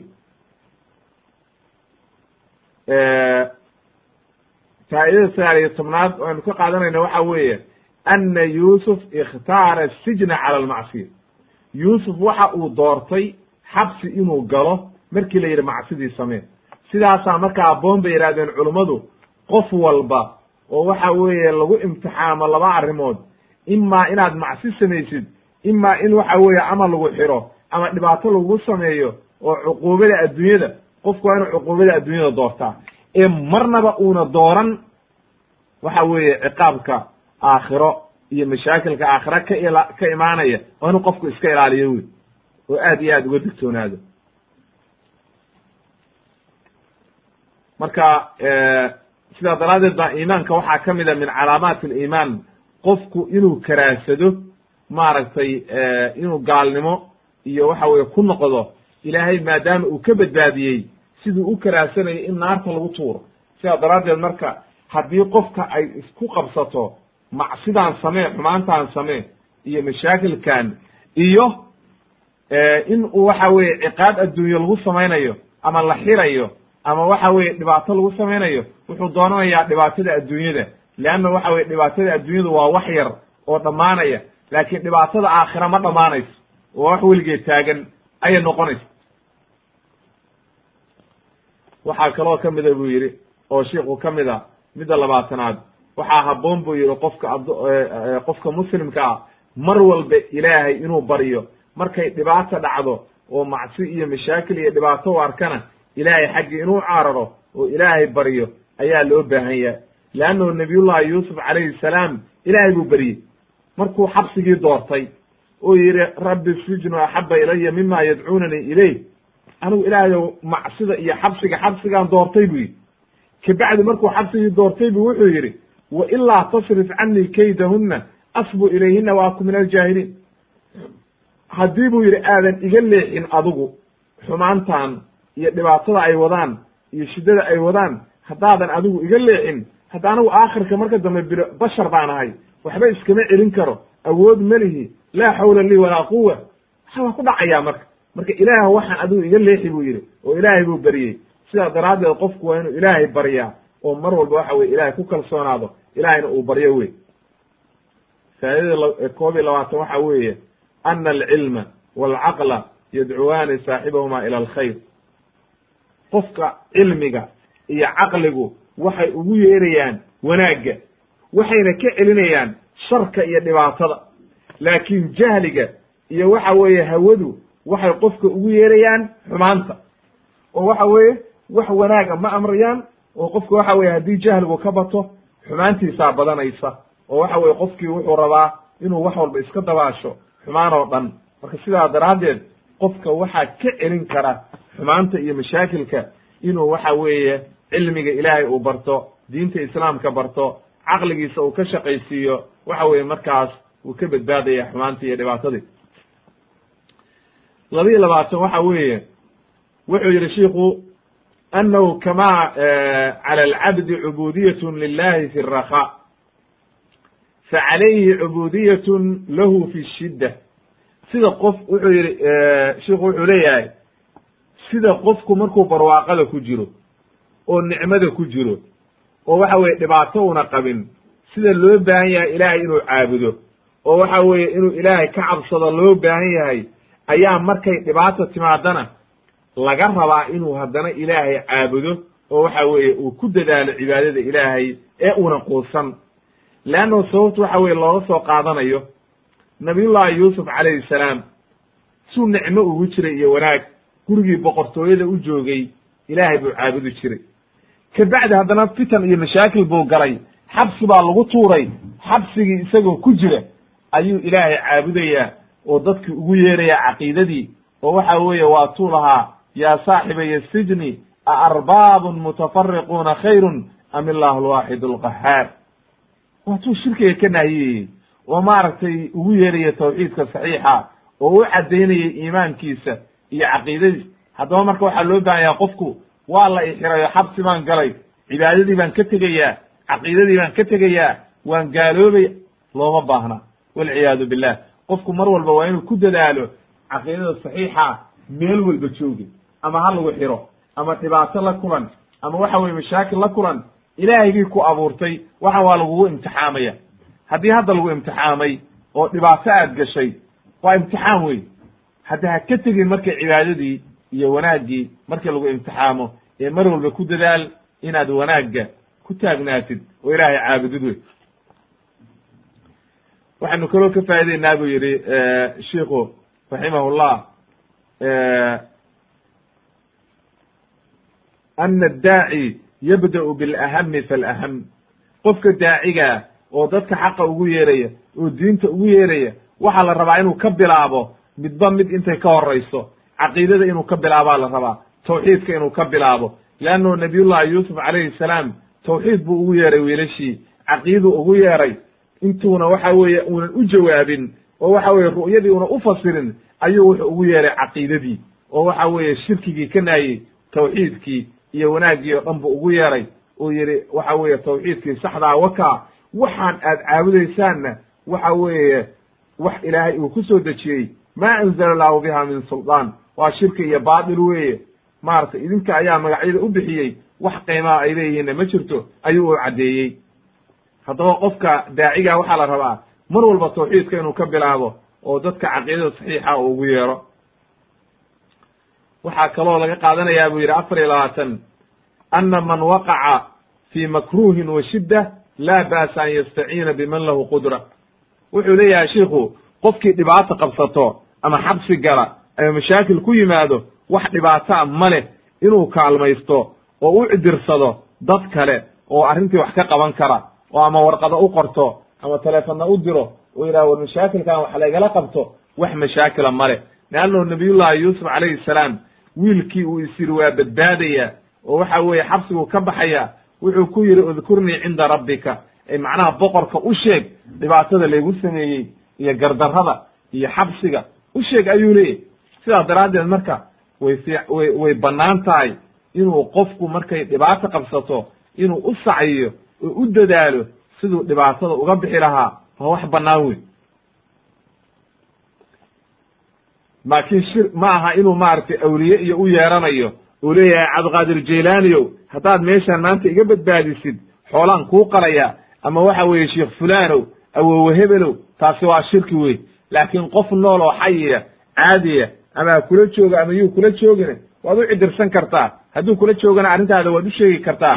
Haddii kalena akhbaar waad u diri kartaa inay dhibaatadaa ku hayso. Sidaad wax igala qaban lahayd wax igala qabo wax mashaakila male laakiin caqiidada iska ilaali oo dad dhintay iyo dad aan wax kuu qaban karin iyo awliya waxa weye ibadbaadinaysa midna waxa ayaan lagaa arkin oo waxa weye arrintaas aad iyo aad ha looga digtoonaado akhilmuslim oo uktilmuslima faa'idada shan iyo labaatan waxaa laga qaadanaya bu yihi shiku annahu yenbagii wayata'akadu cala alcilmi isticmaal alikhlaas itam fi tacliimi cala almucallim qofka dadka wax baraya oo cilmiga baraya waxaa laga rabaa buu yihi shiikhu inuu cilmigiisa markuu dadka barayo ay noqoto alikhlaasu lilah oo waxa weeye marnaba unan cilmigiisa ka dhigin wasiilo dadku ay xoola ku siiyaan ama derajo uu ku gaaro ama waxa weeye lagu ammaano waa inuuna midna ka dhigin. Waa inay noqotaa cilmigiisu ilaahay darti. Leannahu cilmiga qofki ilaahay darti u barta dadkana u bara waa anfacaya. Laakiin qofkii aan ilaahay darti ayna ka ahayn khasaaruu ku dhacayaa shaakil buuna ku dhacayaa leannahu waad u jeedaa nabiyullahi yuusuf calayhi salaam ilaahay wixii uu baray waxa uu barayaa dadkii xoolana kama qaadanayo waxna kama uu rabo. Markay u yimaadeen oo waxa weye dantii ay weydiiyeen oo yidhahaan ru'yadii noo fasir ma uu odhan horta xabsiga ha layga saaro. Uu fasiray waa u naseexeeyey wanaag oo dhan buu u sameeyey iyagiyo awel dulmiyey. Haddaba marka qofku waa inuu ka digtoonaado arrimahaas oo dhan oo qofkii daaci noqonaya ama dadkii wax baraya waa inuu aad iyo aad ugu dadaalo inay noqoto cilmigiisu lilah ee ayna noqon lidunya addunye inayna cilmigiisu noqon baa la rabaa. Faa'idada lix iyo labaatan wuxuu yidhi shiiku waxaa loo waxaa habboon buu yidhi qofka waxa weeye lilmas-uuli an yadulla assaa'il calaa amrin yanfacuh qofka hadduu qof wax weydiiyo masalan nin shiika ayaa qof caadiya su'aal weydiiyey oo yidhi arrintaa iyo arrintaa iiga waran oo waxa weye xukumka sharciga arrintaa ii caddee. Arrintii uu weydiiyey markuu hadduu u sharaxo oo u sheego oo arko inuu wax kalena u baahan yahay waxaa habboon qofkii shiika ah inuu ku dadaalo qofkan inuu wixii u baahan yahay uu haddana u sharaxo oo u sheego oo dariiqa xaqaa tuso leannahu nabiyullahi yuusuf calayhi salaam wiilashii markay u yimaadeen oo yidhaahdeen ru'yadii noo fasir ru'yadii intuuna u fasirin horta tawxiidkiibuu u caddeeyey caqiidadiibuu u caddeeyey shirkigiibuu ka naayey iyo wax alla wixii khalad ahaa ilaahay buu u caddeeyey. Wixii o dhan markuu u sheegay ayuu ru'yadiina u sheegay. Markii dambe oo waxa weeye boqorka ru'yadiisiina saas oo kale intuu u caddeeyey inay tahay toddoba sano oo dooga iyo toddoba sano abaara ayaa idinku dhici doonta buu yidhi. Markaasuu wuxuu u caddeeyey haddana u sheegay oo u sharaxay markuu ru'yadii fasiray ayuu haddana wuxuu ugu daray dariiqii ay mari lahaayeen oo ay dhibtaa kaga bixi lahaayeen. War waxaad haysaan buu yidhi fadaruuhu fii sumbulihi ilaa qaliila mima ta'kuluun. Macnaha beeraha wixii ka soo xoogka ha ka qaadanina oo maaragtay sumbulka yaan laga qaadine ha loo daayo oo waxa weye xifdiya oo kaydiya si aad dhibaatada uga baxdaan. Marka wuxuu u sameeyey cilmi zaa'iduu ugu daray oo ayna weydiin. Marka sidaa daraaddeed ayaa laga rabaa qofku haddii uu cilmigii garanayo qofkii wax weydiiyey inuu wixii uu weydiiyey ka badanna u faa'iideeyo haddii uu arko inuu u baahan yahay qofkaani faa'idada labaatan iyo toddoba waxa weeye annahu laa yulaamu cala alinsani cala asacyi fi dafci tuhmati tuhmati can nafsihi wa dalab albara'ati laha qofka lagu ceebayn mayo laguna dagaalami mayo inuu u sacyiyo oo u dadaalo siduu naftiisa u beriyeeli lahaa oo wixii lagu tuhmay uu dhinac isaga marin lahaa oo u caddayn lahaa waxaan inuusan shaqo ku lahayn ama markhaatiya ha keensado ama waxa weeye ha ka dhaarto ama nooc walba ha noqotee leannahu nabiyullahi yuusuf calayhi salaam markii la yidhi xabsigii ka soo bax oo boqorku u yeedhay wuxuu yidhi bixi mayo.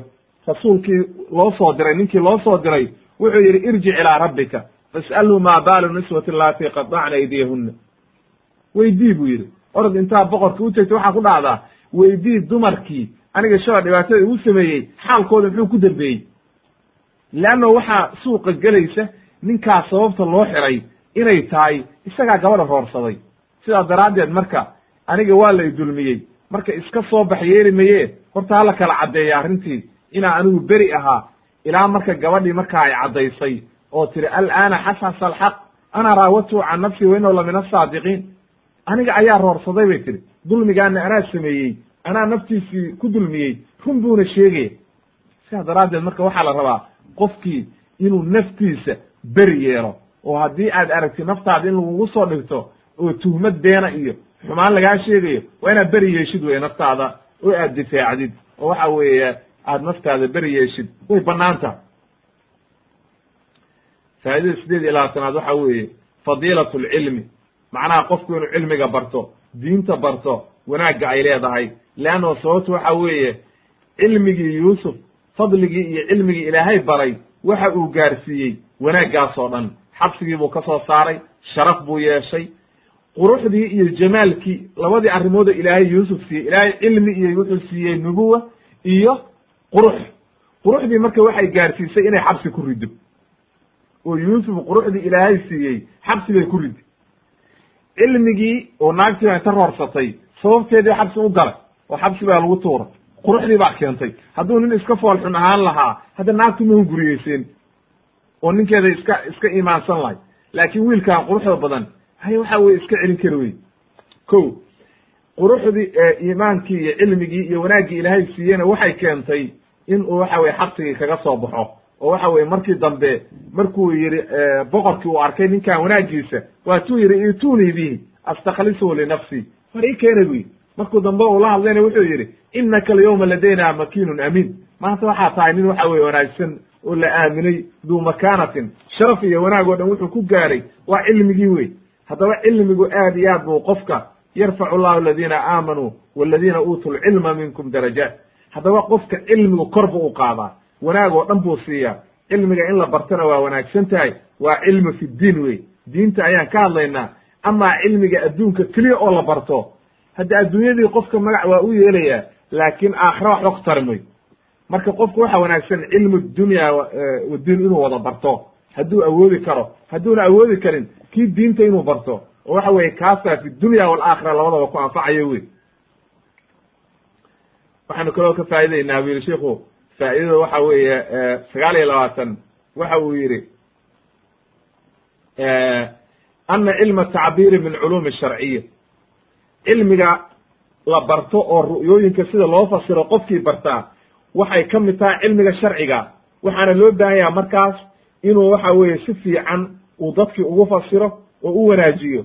Leanna waxa weye waxa uu leeyahay wiilashii markay yidhaahdeen noo fadwood aftinaa waatay yidhaahdeen noo fadwood maaragtay inaa naraaka min almuxsiniin maaragtay nabdi'naa bitaawiili inaa naraaka min almuxsiniin markaasu isagana wuxuu ku yihi markii dambe qudiya alamru aladi fiihi tastaftiyaan marka cilmiga tacbiiru ru'ya la yidhahdo waa cilmi sharciya wey oo waxa weeye soo gelaya fadwadii. Qofku hadduusan aqoon inuu ku degdego looma baahna waa inuu aad iyo aad uga digtoonaado wey boqorkiina waa isagii ku lahaa nimankii mele ahaa oo la joogay madaxdiisii aftina ii fadwooda fii sabci baqaraatin. Haddaba waa fatwe ha ku degdegin oo haddaadan cilmigii aqoonin tacbiiru ru'ya. Allahu aclam dhe aniga ma aqaan dhe habka waxaan loo fasiro garan maayo dhe haddayna wixii daahir ahayn oo waxa weeye matalan dee wax waadixa ahayn. Faa'idada soddonaad waxaynu ka qaadanaynaa annahu laa ba'sa inayna wax dhibaataa lahayn qofku waxa weeye an yukbira alinsaanu cama fi nafsihi min sifaati alkamaali min cilmin aw camalin ida kana khaalisan lilah wa maslaxatan. Qofku waa odhan karaa cilmigaasaan leeyahay waxaasaan bartay hadday khaalis lilahi ka tahay maslaxadna uu ku samaynayo dadkii muslimiinta wanaag ugu samaynayo laakiin riya ayna ka ahayn. Hadday riyaa meesha soo galo yaxbid alcamal. Camalkiibuu baabiinayaa riyaagu ma haboono marka. Marka sidaa daraaddeed siduu yuusuf u yihi calayhi salaam ijcal lii calaa khazaa'ini alardi inii xafiidun caliim. Waa odhan karaa qofku aniga waxaan ahay nin cilmi leh waxbaan bartay shahaadadaasaan wataa saasaan xusoo bartay waxaan waa ka bixi karaa wanaaggaasaan samayn karaa hadday laakiin laba shardi laga helo waa inay maslaxad ku jirtaa oo dadkii muslimiinta uu maslaxad u samaynayaa ee uunan isagu ku doonaynin sida dadku maanta sameeyaan. Shahaade hebel baan wataa oo maxaad u wadataa inaad dadka ku dhacdid. Meel hala ii dhiibo xafiiska aniga hala geeyo. Hadhowna aan dhaco xoolihii dadka muslimiinta oo b maaragtay maalkii aan isdaba mariyo bangiga hala geeyo. Si aan u dhaco gurye uga dhisto taasi waa baatil wey uma banaana laakiin qofkii aamina oo waxa weeye maslaxadii muslimiinta u gudaya waa haboontaa wax mashaakilana male laakin riya waa inayna ka noqon waa inuu riya iska ilaaliyo. Khatar weeye riyaagu oo qofkii buu halaagayaa mashaakil buu ku samaynaya markaa. Waxaynu kaloo ka qaadanaynaa inuu qofku xukum qaban karo haddii uuna markaa ulajeedo kala ka lahayn ee uu doonayo inuu iyadana dadkii maslaxad ugu samaynayo. Oo waxa weeye nabiyullahi yuusuf waa kaa dalbaday in loo dhiibo maaragtay maaliyadii iyo waxa weye wasaariyadii maaliyad oo dhan inuu gacanta ku dhigo loona dhiibay marka dadkiina abaartii iyo dhibaatadii ka badbaadiyey. Midda soddon iyo ko waxaynu ka qaadanaynaa ilaahiyga subxaana qaadirka waasiculkaram inuu ilaahay naxariistiisa iyo deeqsinimadiisu aad bay u badan tahay. Oo waxa weeye qofkii uu doono ayuu siinaya. Marka aakhire iyo adduunba ilaahaygi subxaana qaadirkaa qofkii uu waxa weeye ka baqa oo laba arrimood la yimaada wanaaggiisa waa gaaraya. Marka wanaagga ilaahay iyo deeqsinimadiisa iyo waxa weeye risaaqada ilahay o dhan waxaa lagu gaaraa laba arrimood. Aliimaanu wataqwa iimaan saxiixa inuu qofkii la yimaado. Taqwana laga helo. Iimaan saxiix haddaad la timaadid leanno iimaankii wuxuu kugu keenayaa inaad ilaahay ku kalsoonaatid camal saalixa la timaadid ilaahay caabudid taqwadiina waxay kuu bixinaysaa inaad xaaraantii o dhan banaanka ka martid oo ilaahga subxaana qaadirka aad ku kalsoonaatid ayay keenaysaa wey. Waxaynu kaloo ka marka siduu ilaahay ulahaa aayadda qur'aanka wala ajru laakhiratu khayr wala ajru laakhirati khayrun liladiina aamanuu wa kanuu yattaquun. Qofku haddii uu waxa weeye uu ilaahay ka baqo iimaan saxiixana la yimaado fi dunya waalaakhira ilaahay wanaag buu siinaya laakin wanaagga adduunyadaa badan leannahu janno wey iyo waxa weeye guul iyo wanaag weeye janno qofkii ilaahay markuu geeyo wax ka maqan ma jiraan wey waxaynu kaloo ka qaadanaynaa faa'idada soddon iyo labo waxay noqonaysaa inuu qofku kaydsan karo wax uu maaragtay reerkiisa ku noolaan lahaa matalan raashin baad soo gadatay fara badan oo waxaad tiri sanadka soo socda oo dhan raashinkii reerkayga ku noolaan lahaayeen ayaan guriga u soo dhigaya waa banaanta wax mashaakila male tawakulkiina kama hor imaanayso. Waa arrin bannaan wey wax mashaakilo ay leedahayna ma jirto weye waa wax bannaan wey leanna wakaa nabiyullahi yuusuf calayhi salaam waxa uu siinayey dadkii nin walba sannadkii hal rati. Intuu u raro buu odhanaya sanadkan ku soo noolaada adiga iyo reerkaagu. Marka way bannaan tahay oo wax mashaakila male nebiguna waa sameeyey calayhi salaatu wasalaam inuu maaragtay quutu sana xaasaskiisa reer walba waxay ku noolaan lahaayeen. Marka wax mashaakila male oo wax banaan weeye tawakulkuna ka hor imaan mayso haddaan qofka caqiidadiisu xumayn ma nafinayso tawakulkii marka raashinkiina waad soo gadan kartaa ilahayna waad tala saaranaysaa wax dhibaataana ma leh. Soddon iyo saddex waxaan ka qaadanaynaa. Xusnu tadriib tadriibi yuusuf calayhi salaam lama tawallaa khaza'in alardi yuusuf habkii iyo wanaaggii wax u kala deberay maamulkii wanaagsanaa cadaaladda ku sugnaa oo waxa weye reer misr oo dhan oo waxa weye raashinka u qaybinayey ilaa meel walba laga yimid oo dadkii meel walba ay ka yimaadeen oo waxa weye raashin loo soo doonanayey oo meel walba la isku sheego o la yidhi masar waxaa jooga nin waxa weeye caadil ah oo dadkii asxaan u samaynaya oo dadkii o dhan u xaqsoonaya oo raashinkii siinaya oo la isku soo tilmaamay.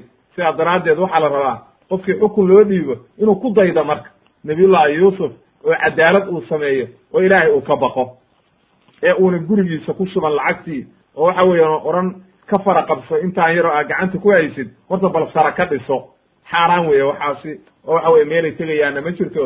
Soomaalina maanta waa u wada jeedaan. Wixii la boobay oo waxa weeye intii dawladdu jirtay la boobayey nin walba maalintii dambe cidlo uga dhaqaaqay. Waa laga wada carar wax faa'idaha ay leedahayna ma jirto oo waxa weye waa xaaraan wey faa'idada soddon iyo afar waxaynu ka qaadanaynaa mashu mashruuciyatu diyaaf inay maaragtay martigelintu inay tahay min sunan almursaliin mursaliintii hore nebiyadii hore iyo ambiyadii waxyaalihii ay samayn jireen wey waa sunankoodii bay ka mid tahay. Nabiyullahi ibraahim baa bilaabay. Waa tii la odhan jiray aba dayfan kabacdina nabiyullahi yuusuf wakaa ku dhahaya walaalihii intuu soo dhoweeyey alaa tarawna anii owfu lkayla waana khayru lmunziliin miidan u jeedin sidaan idiin soo dhoweeyey wanaagga aan idiin sameeyey martiqaadka wanaagga oo dhan haddaba marka in martida la sharfo aad iyo aad bay wanaagsanta waxaanu kaloo ka qaadanaynaa ana suuءa الdani maca wujuudi alqara'in addaalati calayhi gayru mamnuuc walaa muxaram qofku inuu qofka ka shakiyo haddii uu arko calaamado bixinaya oo kutusaya inuu qofkaani been sheegayo waa laga shakin karaa. Oo ma aha taasi suu dhanni marka qofka matalan arrin baa matalan qofkaan been baa lagu bartay wa markaas waxa weye soomaalida waa iyaga yihahda beentaada hore runtaada dambay u daranta. Marka nabiyullahi nabiyullahi yacquub calayhi salaam markii uu arkay calaamadihii beenta ahaa kamiiskii iyo markuu arkay inay nimankaani been sheegayaan ayuu ku yidhi bal sawarat lakum anfusukum amra. Been baad sheegaysaan buy naftiinaa wax idii qurxisay waxaan aad wadaan oo dhan waa been. Ilaahayna ka baqi maysaan waxaad wadaan waa been wey oo waxa waxba kama jiraan. Marka sidaa daraaddeed haddaad qofka ka shakidid oo istiraahdi waxaan uu wado waa been. Oo shakigaa yimaado wa waa laga shakin karaa oo wax waadixa oo banaan wey ma aha qofka in mar walba la yidhaahdo maxaad uga shakiyaysaa haddii uu calaamado la yimaado looga shakiyo qofkii inuu been sheegayo waa laga shakiyaya waxaan leeyahay been baa lagaaga shakiyey waxaan aad wadidna waxba kama jiraan. Faa'idada soddon iyo lix waxa weeye isticmaal alasbaab addaafica lilcayni wa gayraha min almakaarih inay bannaan tahay waxyaalaha asbaabta isha celisa oo waxa weeye qofku inuu ka digtoonaado ishii. Haddii uu waxa weeye ka baqo inay dadkaani ilaystaan ama qofkaan ilmihii uu kaa ilaysto ama waxa wax jirta wa? Ishu waa wax jiro wey qofku waa ilaystaa dadka mana aha sida soomaalidu u taqaano qofkii wax ilaysta inuu fuqur yahay.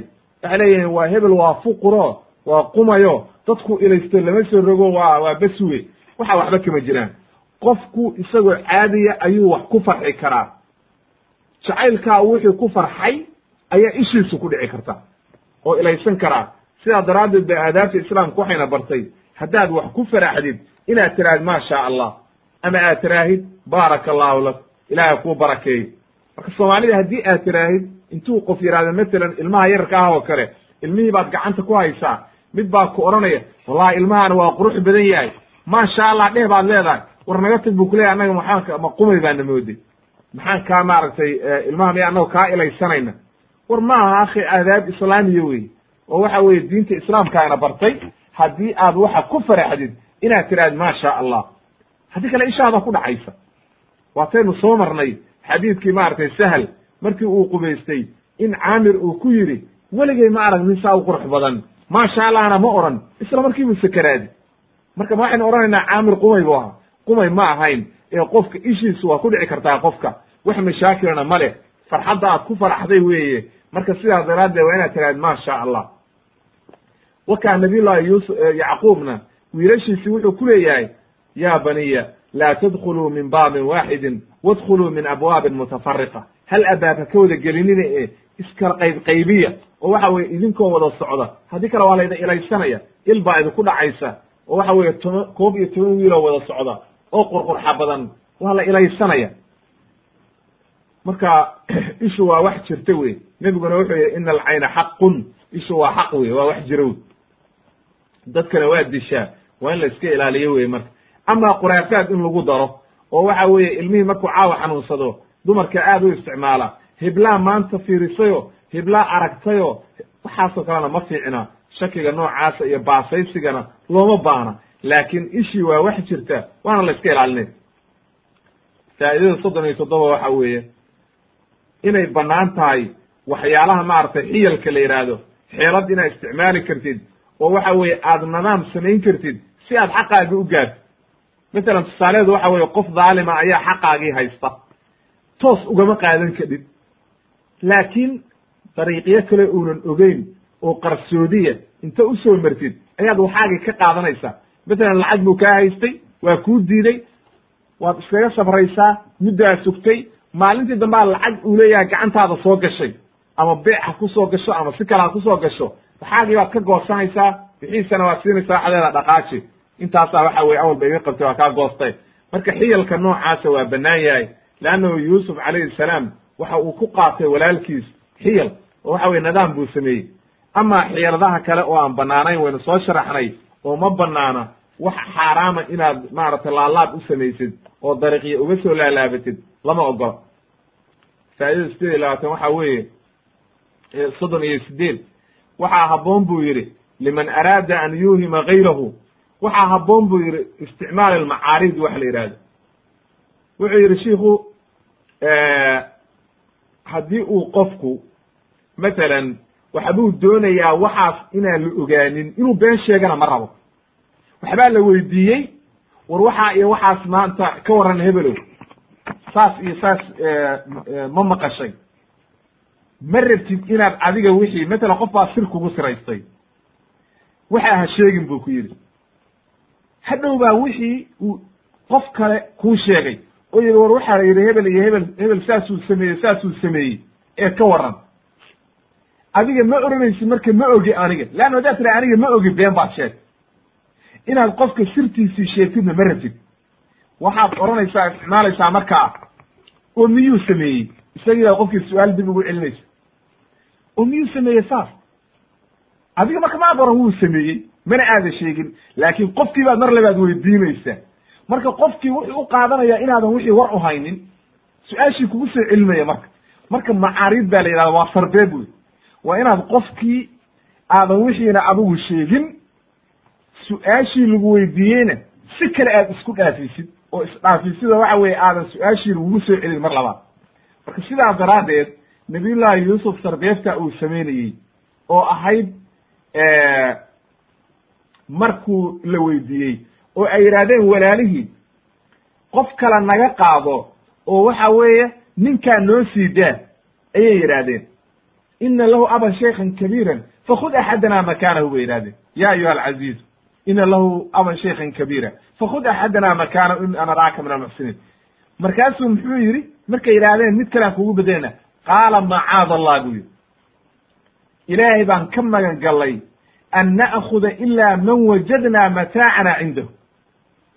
Ilaa kii aanu alaabtayada agtiisa ka helay mooye cid kale qaadan mayna bu yidhi ma uu oranin marka kii wax naga xaday lam yaqul man sariqa mataacana ma uu oranin. Leanna sababta maxay tahay ninkan banyamin waxba ma xadin. Wuu og yahay yuusuf inuusa waxba xadin. Haddaba ma uuna onorin kalaamkiisii ninkaan annaga wax naga xaday baan qaadanaynaa ma uu oranin ee wuxuu yidhi alaabtayada ninkii aanu agtiisa ka helay.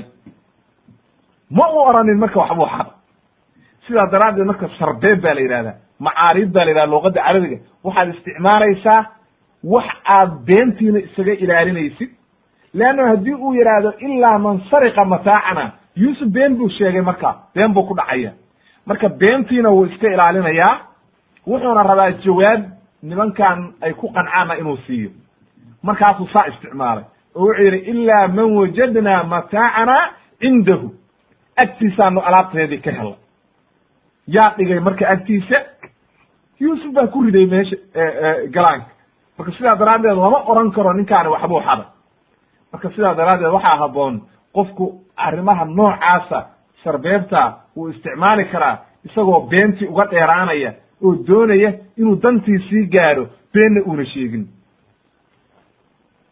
Soddon iyo sagaal waxa weeye annahu laa yajuusu lilinsaani an yashhada ila bima calimahu wa taxaqaqahu bimashaahidih qofku ma banaana muslimkaa inuu ka markhaanti kaco wax uunan ogeyn oo uunan xaqiiqo u ogeyn oo uunan arag inuu ka markhaanti kaco ma ma banaano leannahu ikhwatu yuusuf waxay leeyihiin wama shahidnaa ila bima calimna wama kuna lilgaybi xaafidiin macnaha wiilkii markay yidhahdeen waxaa la yidhi ina bnaka saraq wuu xaday waxbuu xaday baa la yidhi waa lagu tuhmay waatay riwaayada qiraa'ooyinka qaar ahaayeen ina bnaka surq macnaha waxaa lagu tuhmay tuugo laakin waxay yidhahdeen wamaa shahidnaa anagu ma aanu ogeyn meeshu wax ku xadayey ilaa bima calimna laakin maxaanu ogaanay in jawaankii uu watay iyo ratigiisii laga soo saaray suwaaci annaga taasaanu ogeyn amaa ninkaani markuu waxadayey anagu maanu ogeyn sidaa daraaddeed qofku wixii uu ogaa waa inuu ka markhaanti kaco oo waxa weye uu caddeeyo laakin inuu been sheego looma baha faa'idada afartan waxa weeye hadihi almixnat alcadiima alati imtaxana allahu biha yacquub banihi biha banihi nebiyahu yacquub calayhi salaam ilaahay uu ku imtixaamay. Waxa weeye arrintaa waxaa keentay waxa macnaha tafriiqa iyo dhibaatada iyo mashaakilka uu maray oo dhan waxay ahayd horta wax ilaahay qadaray ee ma ayn wax kale qadar rabi bay ahayd. Ilaahay baana waxaan ugu talagalay. Jaran jaro waxay ahayd loogu talagalay asbaab baa loo sameynayey qadar rabbi inay yacquub duriyadiisu masar ku tarmaan oo masar degaan oo diinta halkaa gaarsiiyaan wax ilaahay qadaray bay ahayd marka sidaa daraaddeed nabiyullaahi yacquub calayhi salaam waa la imtixaamay. Wiilkiisi baa laga kaxeeyey muddo badan buu ka maqnaa. Indhihii uu indhabeelay aakhirkii ugu dambeeyena wanaag iyo farxad iyo saruur ayaa ilaahay ugu bedelay haddaba waxaynu ka qaadanaynaa sabirka iyo wanaagga yacquub iyo heerka uu gaaray. Intaasoo dhanna sabir buu ku gaaray. Waa tuulaa maaragtay maaragtay anigu waa sabrayaa fa sabrun jamiil shakwadiisii iyo waxa weeye wax walbana waxay noqotay ilaahay inuu baryo ee unan marnaba wax kale oo makhluuqa una u jeedsan haddaba waxa weeye markay dhibaato yari kugu dhacdo awliyaha ku cararine ilaahay u carar ina allaha calaa kuli shayin qadiir. Ilahayga subxaana qaadirka wax walba awooday. U carar akhi lmuslima waqti lmuslima oo ilaahay bari. Laakiin ha isku mashquulinin inaad cid kale baridid marnaba ha isku mashquulinin weye faa'idada afartan iyo laba waxaynu ka qaadanaynaa jawaazu ikhbaar insani bima yajidu wama huwa fiihi qofku dhibaato iyo mashaakil iyo faqri iyo cabsi hadday ku timaado qofkii uu is leeyahay waxbuu kaala qaban karaa waa u sheegi karaa leannu ikhwatu yuusuf markii dambe oo u yimaadeen walaalihii waxay leeyihiin yaa ayuha alcaziizu masanaa wa ahluna dur macnaha annagii ahalkayagii iyo reerkayagii iyo annagii o dhan dhibaataana taabatay waxa way asxaan noo samee abaar iyo mashaakil iyo ciyaalkiio abaaraysan. Gaajo dhibaataana hayse wanaag noo samey marka sidaa daraaddeed qofku markuu dhibaato qabo waa u sheegi karaa qofkii wax kala qaban kara. Laakin waxa weeye awliye dhimatay maahee waa qofkii noolo wax kaala qaban kara wey faa'idada afartan iyo saddex waxaynu ku soo qaadanaynaa fadiilatu taqwa. Taqwadu wanaagga ay leedahay. Khayr oo dhan iyo wanaag oo dhan fi dunya waalaakhira waxaa lagu gaaraa taqwada iyo sabirka waa tuu ilaahay lahaa. Nabiyullahi yuusuf markuu hadlay waa tuu yidhi qad mana allahu calayna. Ana yuusufu wa hada akhi qad mana allahu calayna inahu man yattaqi wa yasbir fa ina allaha laa yudiicu ajra almuxsiniin qofkii sabra oo ilaahay ka baqa ilaahay ma ma dayacayo. Ilahayna ajirkiisii ma dhuminayo. Wanaag oo dhan buna ilaahay siinaya marka nabiyullahi yuusuf iyo walaalkii iyo aabihiiba markay sabreen wanaag baa ilaahay gaarsiiyey. Oo dhibtii iyo mashaakilkii o dhan baa ilahay ka badbaadiyey haddaba waxaa loo baahan yaha qofku inuu u sabro markay dhibaata timaado ilahayna uu ku kalsoonaado. Waxaynu kaloo ka faa'ideynaa faa'idada afartan iyo afar. Waxaynu ka faa'ideynaa yenbagii waxaa habboon liman ancama allahu calayhi binicamihi bacda shiddatin wa faqrin wa suu'i xaalin an yatacarafa maaragtay binicmat illah calayh qofkii ilaahay u nicmeeyo dhibaato markay ku soo martay waad xanuunsatay ilahay baa xanuunkii kaa qaaday nicmada ilahay waad inaad ku shukri naqda oo nicmada ilahay aad aqoonsataa awlaad baadan haysan awlaad baa ilaahay ku siiyey. Waa inaad ku xamdi naqdaa xoolaa ilaahay ku siiyey. Waa inaad ku xamdi naqdaa nicmo kasta oo ilaahay ku siiyo waa inaad ilaahay uga xamdi naqdaa sidaa nabiyullaahi yuusuf markii ilaahay u nicmeeyey uu leeyahay waqad axsana bi id akhrajanii min asijni wa jaa bikum min albadu. Ilaahay axsaan buu ii sameeyey oo waa i wanaajiyey oo nicmoo dhan buu i siiyey markuu xabsigii iga soo saaray idinkana dhibaatadii iyo mashaakilkii iyo baadiyihii idinka keenay. Haddaba marka qofku nicmada ilaahay waa inuu ka shukra naqawey lain shakartum laaziidannakum walain kafartum ina cadaabii la shadiid wey haddaad ilaahay ugu shukri naqday nicmadii ilahay waa kuu siyaadinay. Faa'idada afartan iyo shan waxa weeye ilaahay nicmada iyo wanaagga uu u galay yuusuf calayhi salaam leannahu waxa weeye waxa uu keenay macnaha xaaladihiisii oo dhan oo kala bedbedelan. Ayuu intaasoo dhan ilaahay ilaalinayey oo hadba meel geynayey oo hadba waxa weeye derajo gaarsiinayey oo nicmoo dhan ilaahay u dhamaystiray rafiic darajaat fi dunya waalaakhira wanaag oo dhan marka nicmo iyo wanaag fara badan ayaa ilaahay nabiyullahi yuusuf ku galladaysta ugu dambayntii faa'idada ugu dambaysa waxa weeye oo afartan iyo lix wuxuu yidhi shiikhu annahu yenbagii lilcabdi qofka muslimkaa waxaa habboon oo addoonka ilaahaya mar walba qalbigiisu inuu ilaahay ku xidhan yahay oo waxa weeye uu mar walba iimaankiisa iyo camal saalixa wax walba uu sameeyo ilaahayna uu weydiisto xusna alkhaatima aakhirka ugu dambeeya ilaahay camal saalixa inuu ku khatimo oo khaatimadiisa wanaajiyo. Sidaa nabiyullaahi yuusuf markii nicmadiisii dhammaystirantay wuu u yidhi rabbi qad aataytanii min almulki wa callamtanii min taawiili alaxaadiid faadira asamaawaati waalardi anta weliyii fi dunya waalaakhira tawafanii musliman waalxiqnii bisaalixiin wuxuu ku khatimay yuusuf qisadii dheerarka badnayd macnaha ilaahay inuu beriyey markuu arkay nicmadiisi inay dhammaystirantay wanaag uu gaaray aabbihii hooyadii walaalihii kulli la isku keenay derajo uu gaaray iyo waxa weye wax walba ilaahay siiyey ayuu ilaahay beryey markaa uu yidhi ilaahay wanaag baad ii samaysay wax walba wanaaga waad isiisay waxaan kaa baryayaa inaad idishid aniga oo muslima adduunkii waad i wanaajisay oo wanaag oo dhan waan gaaray. Aakhirana waxaan kaa baryayaa inaad waxa weeye idishid aniga oo muslima oo waxa weeye aan aada gaalnimo igu dirin oo waxa weeye cirib ciribtayda ayna bedelmin oo waxa weeye khaatimadayda ay hagaagto.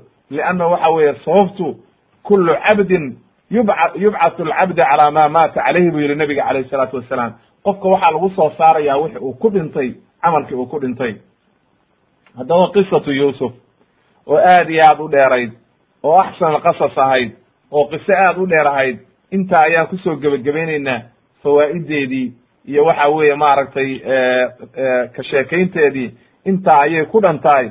Sidaa daraaddeed marka waxaan leeyahay wax alla wixii khalad ah oo aan ku sheegayna ilaahay baan uga toobad keenaya.